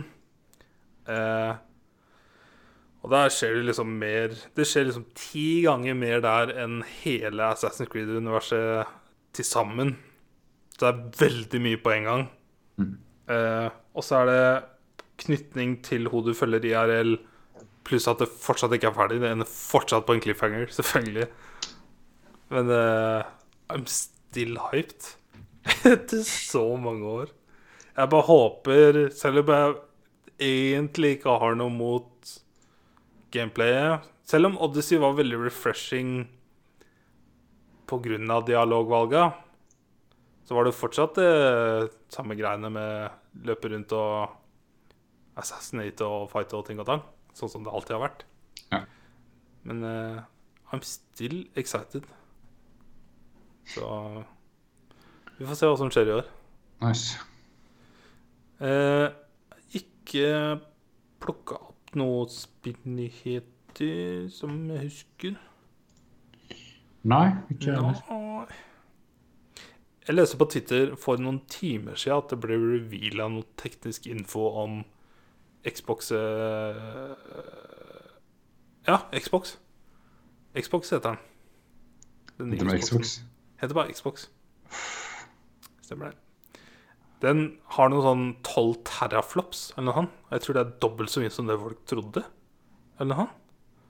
Jeg mener jeg husker liksom at 6 teraflop var det det gikk på. Men nå sto det 12. Så det liksom ble teorisert mulighetene når du har den krafta som er i den konsollen. Mm. Eh, jeg leser bare en tweet. Men det vil si at mulighetene er der for Og det som jeg savner når jeg spiller PS4, er denne muligheten til å switche fort mellom ting. Ja. Så med den nye krafta vi vil ha i de nye konsollene Selv om det bare er bekrefta hva du har om Xboxen, så vil jeg jo tro at det er veldig likt i PlayStation. Men at du har da mulighet til å hurtigswitche ikke bare mellom liksom trophies og spillet, men også mellom spill. Ja, ja, for hvis du bare tar to, ja, to sekunder mellom være inne i Red Dead 2 og Ja. være inne i Bioshock på Yep. to sekunder, Yep. det hadde vært insane. For jeg husker jo Når, du, når eh, PS4-en kom, så var jo det insane når ehm, Jeg kunne liksom sette spillet bare, bare Sette i dvale. Bare det var en oppdatering, det. Ikke en Ja, men jeg husker når det kom at det var en sånn Ja, ja. Holy shit! det, var, det, det er jo en software-oppdatering, liksom. Ja. Hvis du har noe som er ja. Men også det liksom å få Spotify-inkluderinga, selv om jeg ikke har brukt det så mye. Ja. Så er det bare sånne småting som var så mind-blowing i forhold til Også bare det å bruke PlayStation Store. For at på PS3 å bruke PlayStation Store, da måtte du sette av et kvarter. Men den jeg følte har blitt treigere og Ja, den har blitt treigere. Ja, ja. Ehm, men um, konsollene har jo denne greia med at de alltid vil henge etter, da. Eh, Men uh, de funker jo alltid, som er derfor jeg liker konsoll. Men uh, ja. Eh, andre ting, da. Oi. Du fylte år. Ja, hadde bursdag forrige tirsdag. Gamlefar, ass. 28 år. 28 år. Du og feira. Spiste på Eldhuset. Å, det så så digg ut. Brisket og beef og mac and cheese og coleslaw. Det var nøyaktig det jeg kjøpte siste årene. Serr? Jøp. Den mac and cheese-siden der Mm, den er så god. Og så hvis du tar løkringen som sa der òg, så får du en så stor amount. Jeg husker jeg spurte oss bare sånn Hvor mange løkringer er det? Er det liksom sånn fem-seks, eller For det er det jeg er vant til. Ja. Og det var han Iren vet som bare Trust me, laddie. It's a good size. Ok. Kommer liksom halve tallerkenen med løkringer. Trust me, laddie. Trust me, laddie. Yes. Fikk du noen kule pakker, da? Det ble litt mer øl, da, vet du. Oh, yeah, boy! Firepack med øl. Nice. Og så en eh, sånn reise reisenøy-nakke-støttepute. Sånn, Ah, sånn jævlig nice en. digg. Det var noe jeg savna til og fra New Zealand. Altså. Så du kan feste bak, så du ikke lener deg framover. Sånn ekstra. Oh, Ja. for det, er, det var det verste med meg på fly. ja. Var fordi at jeg av prinsipp ikke lener seteryggen min tilbake. For jeg vil Jeg vil ikke at noen skal gjøre det på meg. Sure. Eh, men det også, til, betyr også at eh, jeg aldri kan slappe ordentlig av. Fordi at hvis jeg Dupper oss er prøver å dyppe, så detter hodet framover. Ja. Ja. Så that's a good fucking gift. Yep. Nice. Enn du, da? Noe spennende? Ja, men jeg har fortalt ham. Ja. Det Gidder ikke ta det on air, kjenner jeg. Nei, det går fint, det. Vi er vel i neste Jeg har litt mer jeg kan si off air, for så vidt. Ja, jeg gleder meg. Eh, lekser, For våre. Hei. Koster bare 5000 dollar i Ja. måneden. Da kan du også få historien bak eh, første gang jeg så Crash. For 5000 dollar? Ja. Ja, da skal du si det. Yep. Eh, til avstemning nå så var det tre filmer som vanlig. Eh, Elephant Man, oh, Night of the Living Dead og Dead Man. Jeg tror det var kultfilmer, var det ikke det vi prøvde å finne? Det var det geniale forslaget mitt, ja. Yes, og det blir, takket være Maybit og ein Bichen-slampe, Ja, hvem er det, tror du? så blir det Night of the Living Dead fra 1968. Skrekkfilm fra 1968. Ja, kult. Nice. Var det den Elephant Man som hadde Anthony Hopkins? Ja, Ja, right. Night of the Living Dead. Interesting. interesting. Ja. Og så spiller vi kanskje litt mer Bioshock, da. Ja, absolutt. Mm. Men for framover nå så em, eh, eh, blir jo bare Bioshock. Bioshock 1 og 2. Vi må jo spille ferdig Bioshock 1 før vi går på Bioshock 2. Ja, ja, ja, men eh, det kommer jo nye PS Plus-spill Da blir det faktisk sånn, nå har vi et spill å spille den andre uka. ja, mellom spill. Good shit. Jeg vet ikke helt hva Jeg tror jeg kanskje nå endelig kan ha eh, Jeg tror jeg kan klare å slappe av og spille litt eh, et Telltale-spill. Jeg tror neste Telltale mitt er Mission. Oi. Mission. Jeg tror der, ja. Ja, ja. Lurer på det. Mission. Mission. For det spillet var en sånn introduksjon til en karakter som kom i TV-serien, tror jeg. Ja, jeg tror det var noe sånt, ja. St- Stemmer. Damer! Nei, eh, nå må jeg pisse som faen. Ja, ja. Så takk for oss. Takk for nå. Takk for alt. Kboy! Goodbye.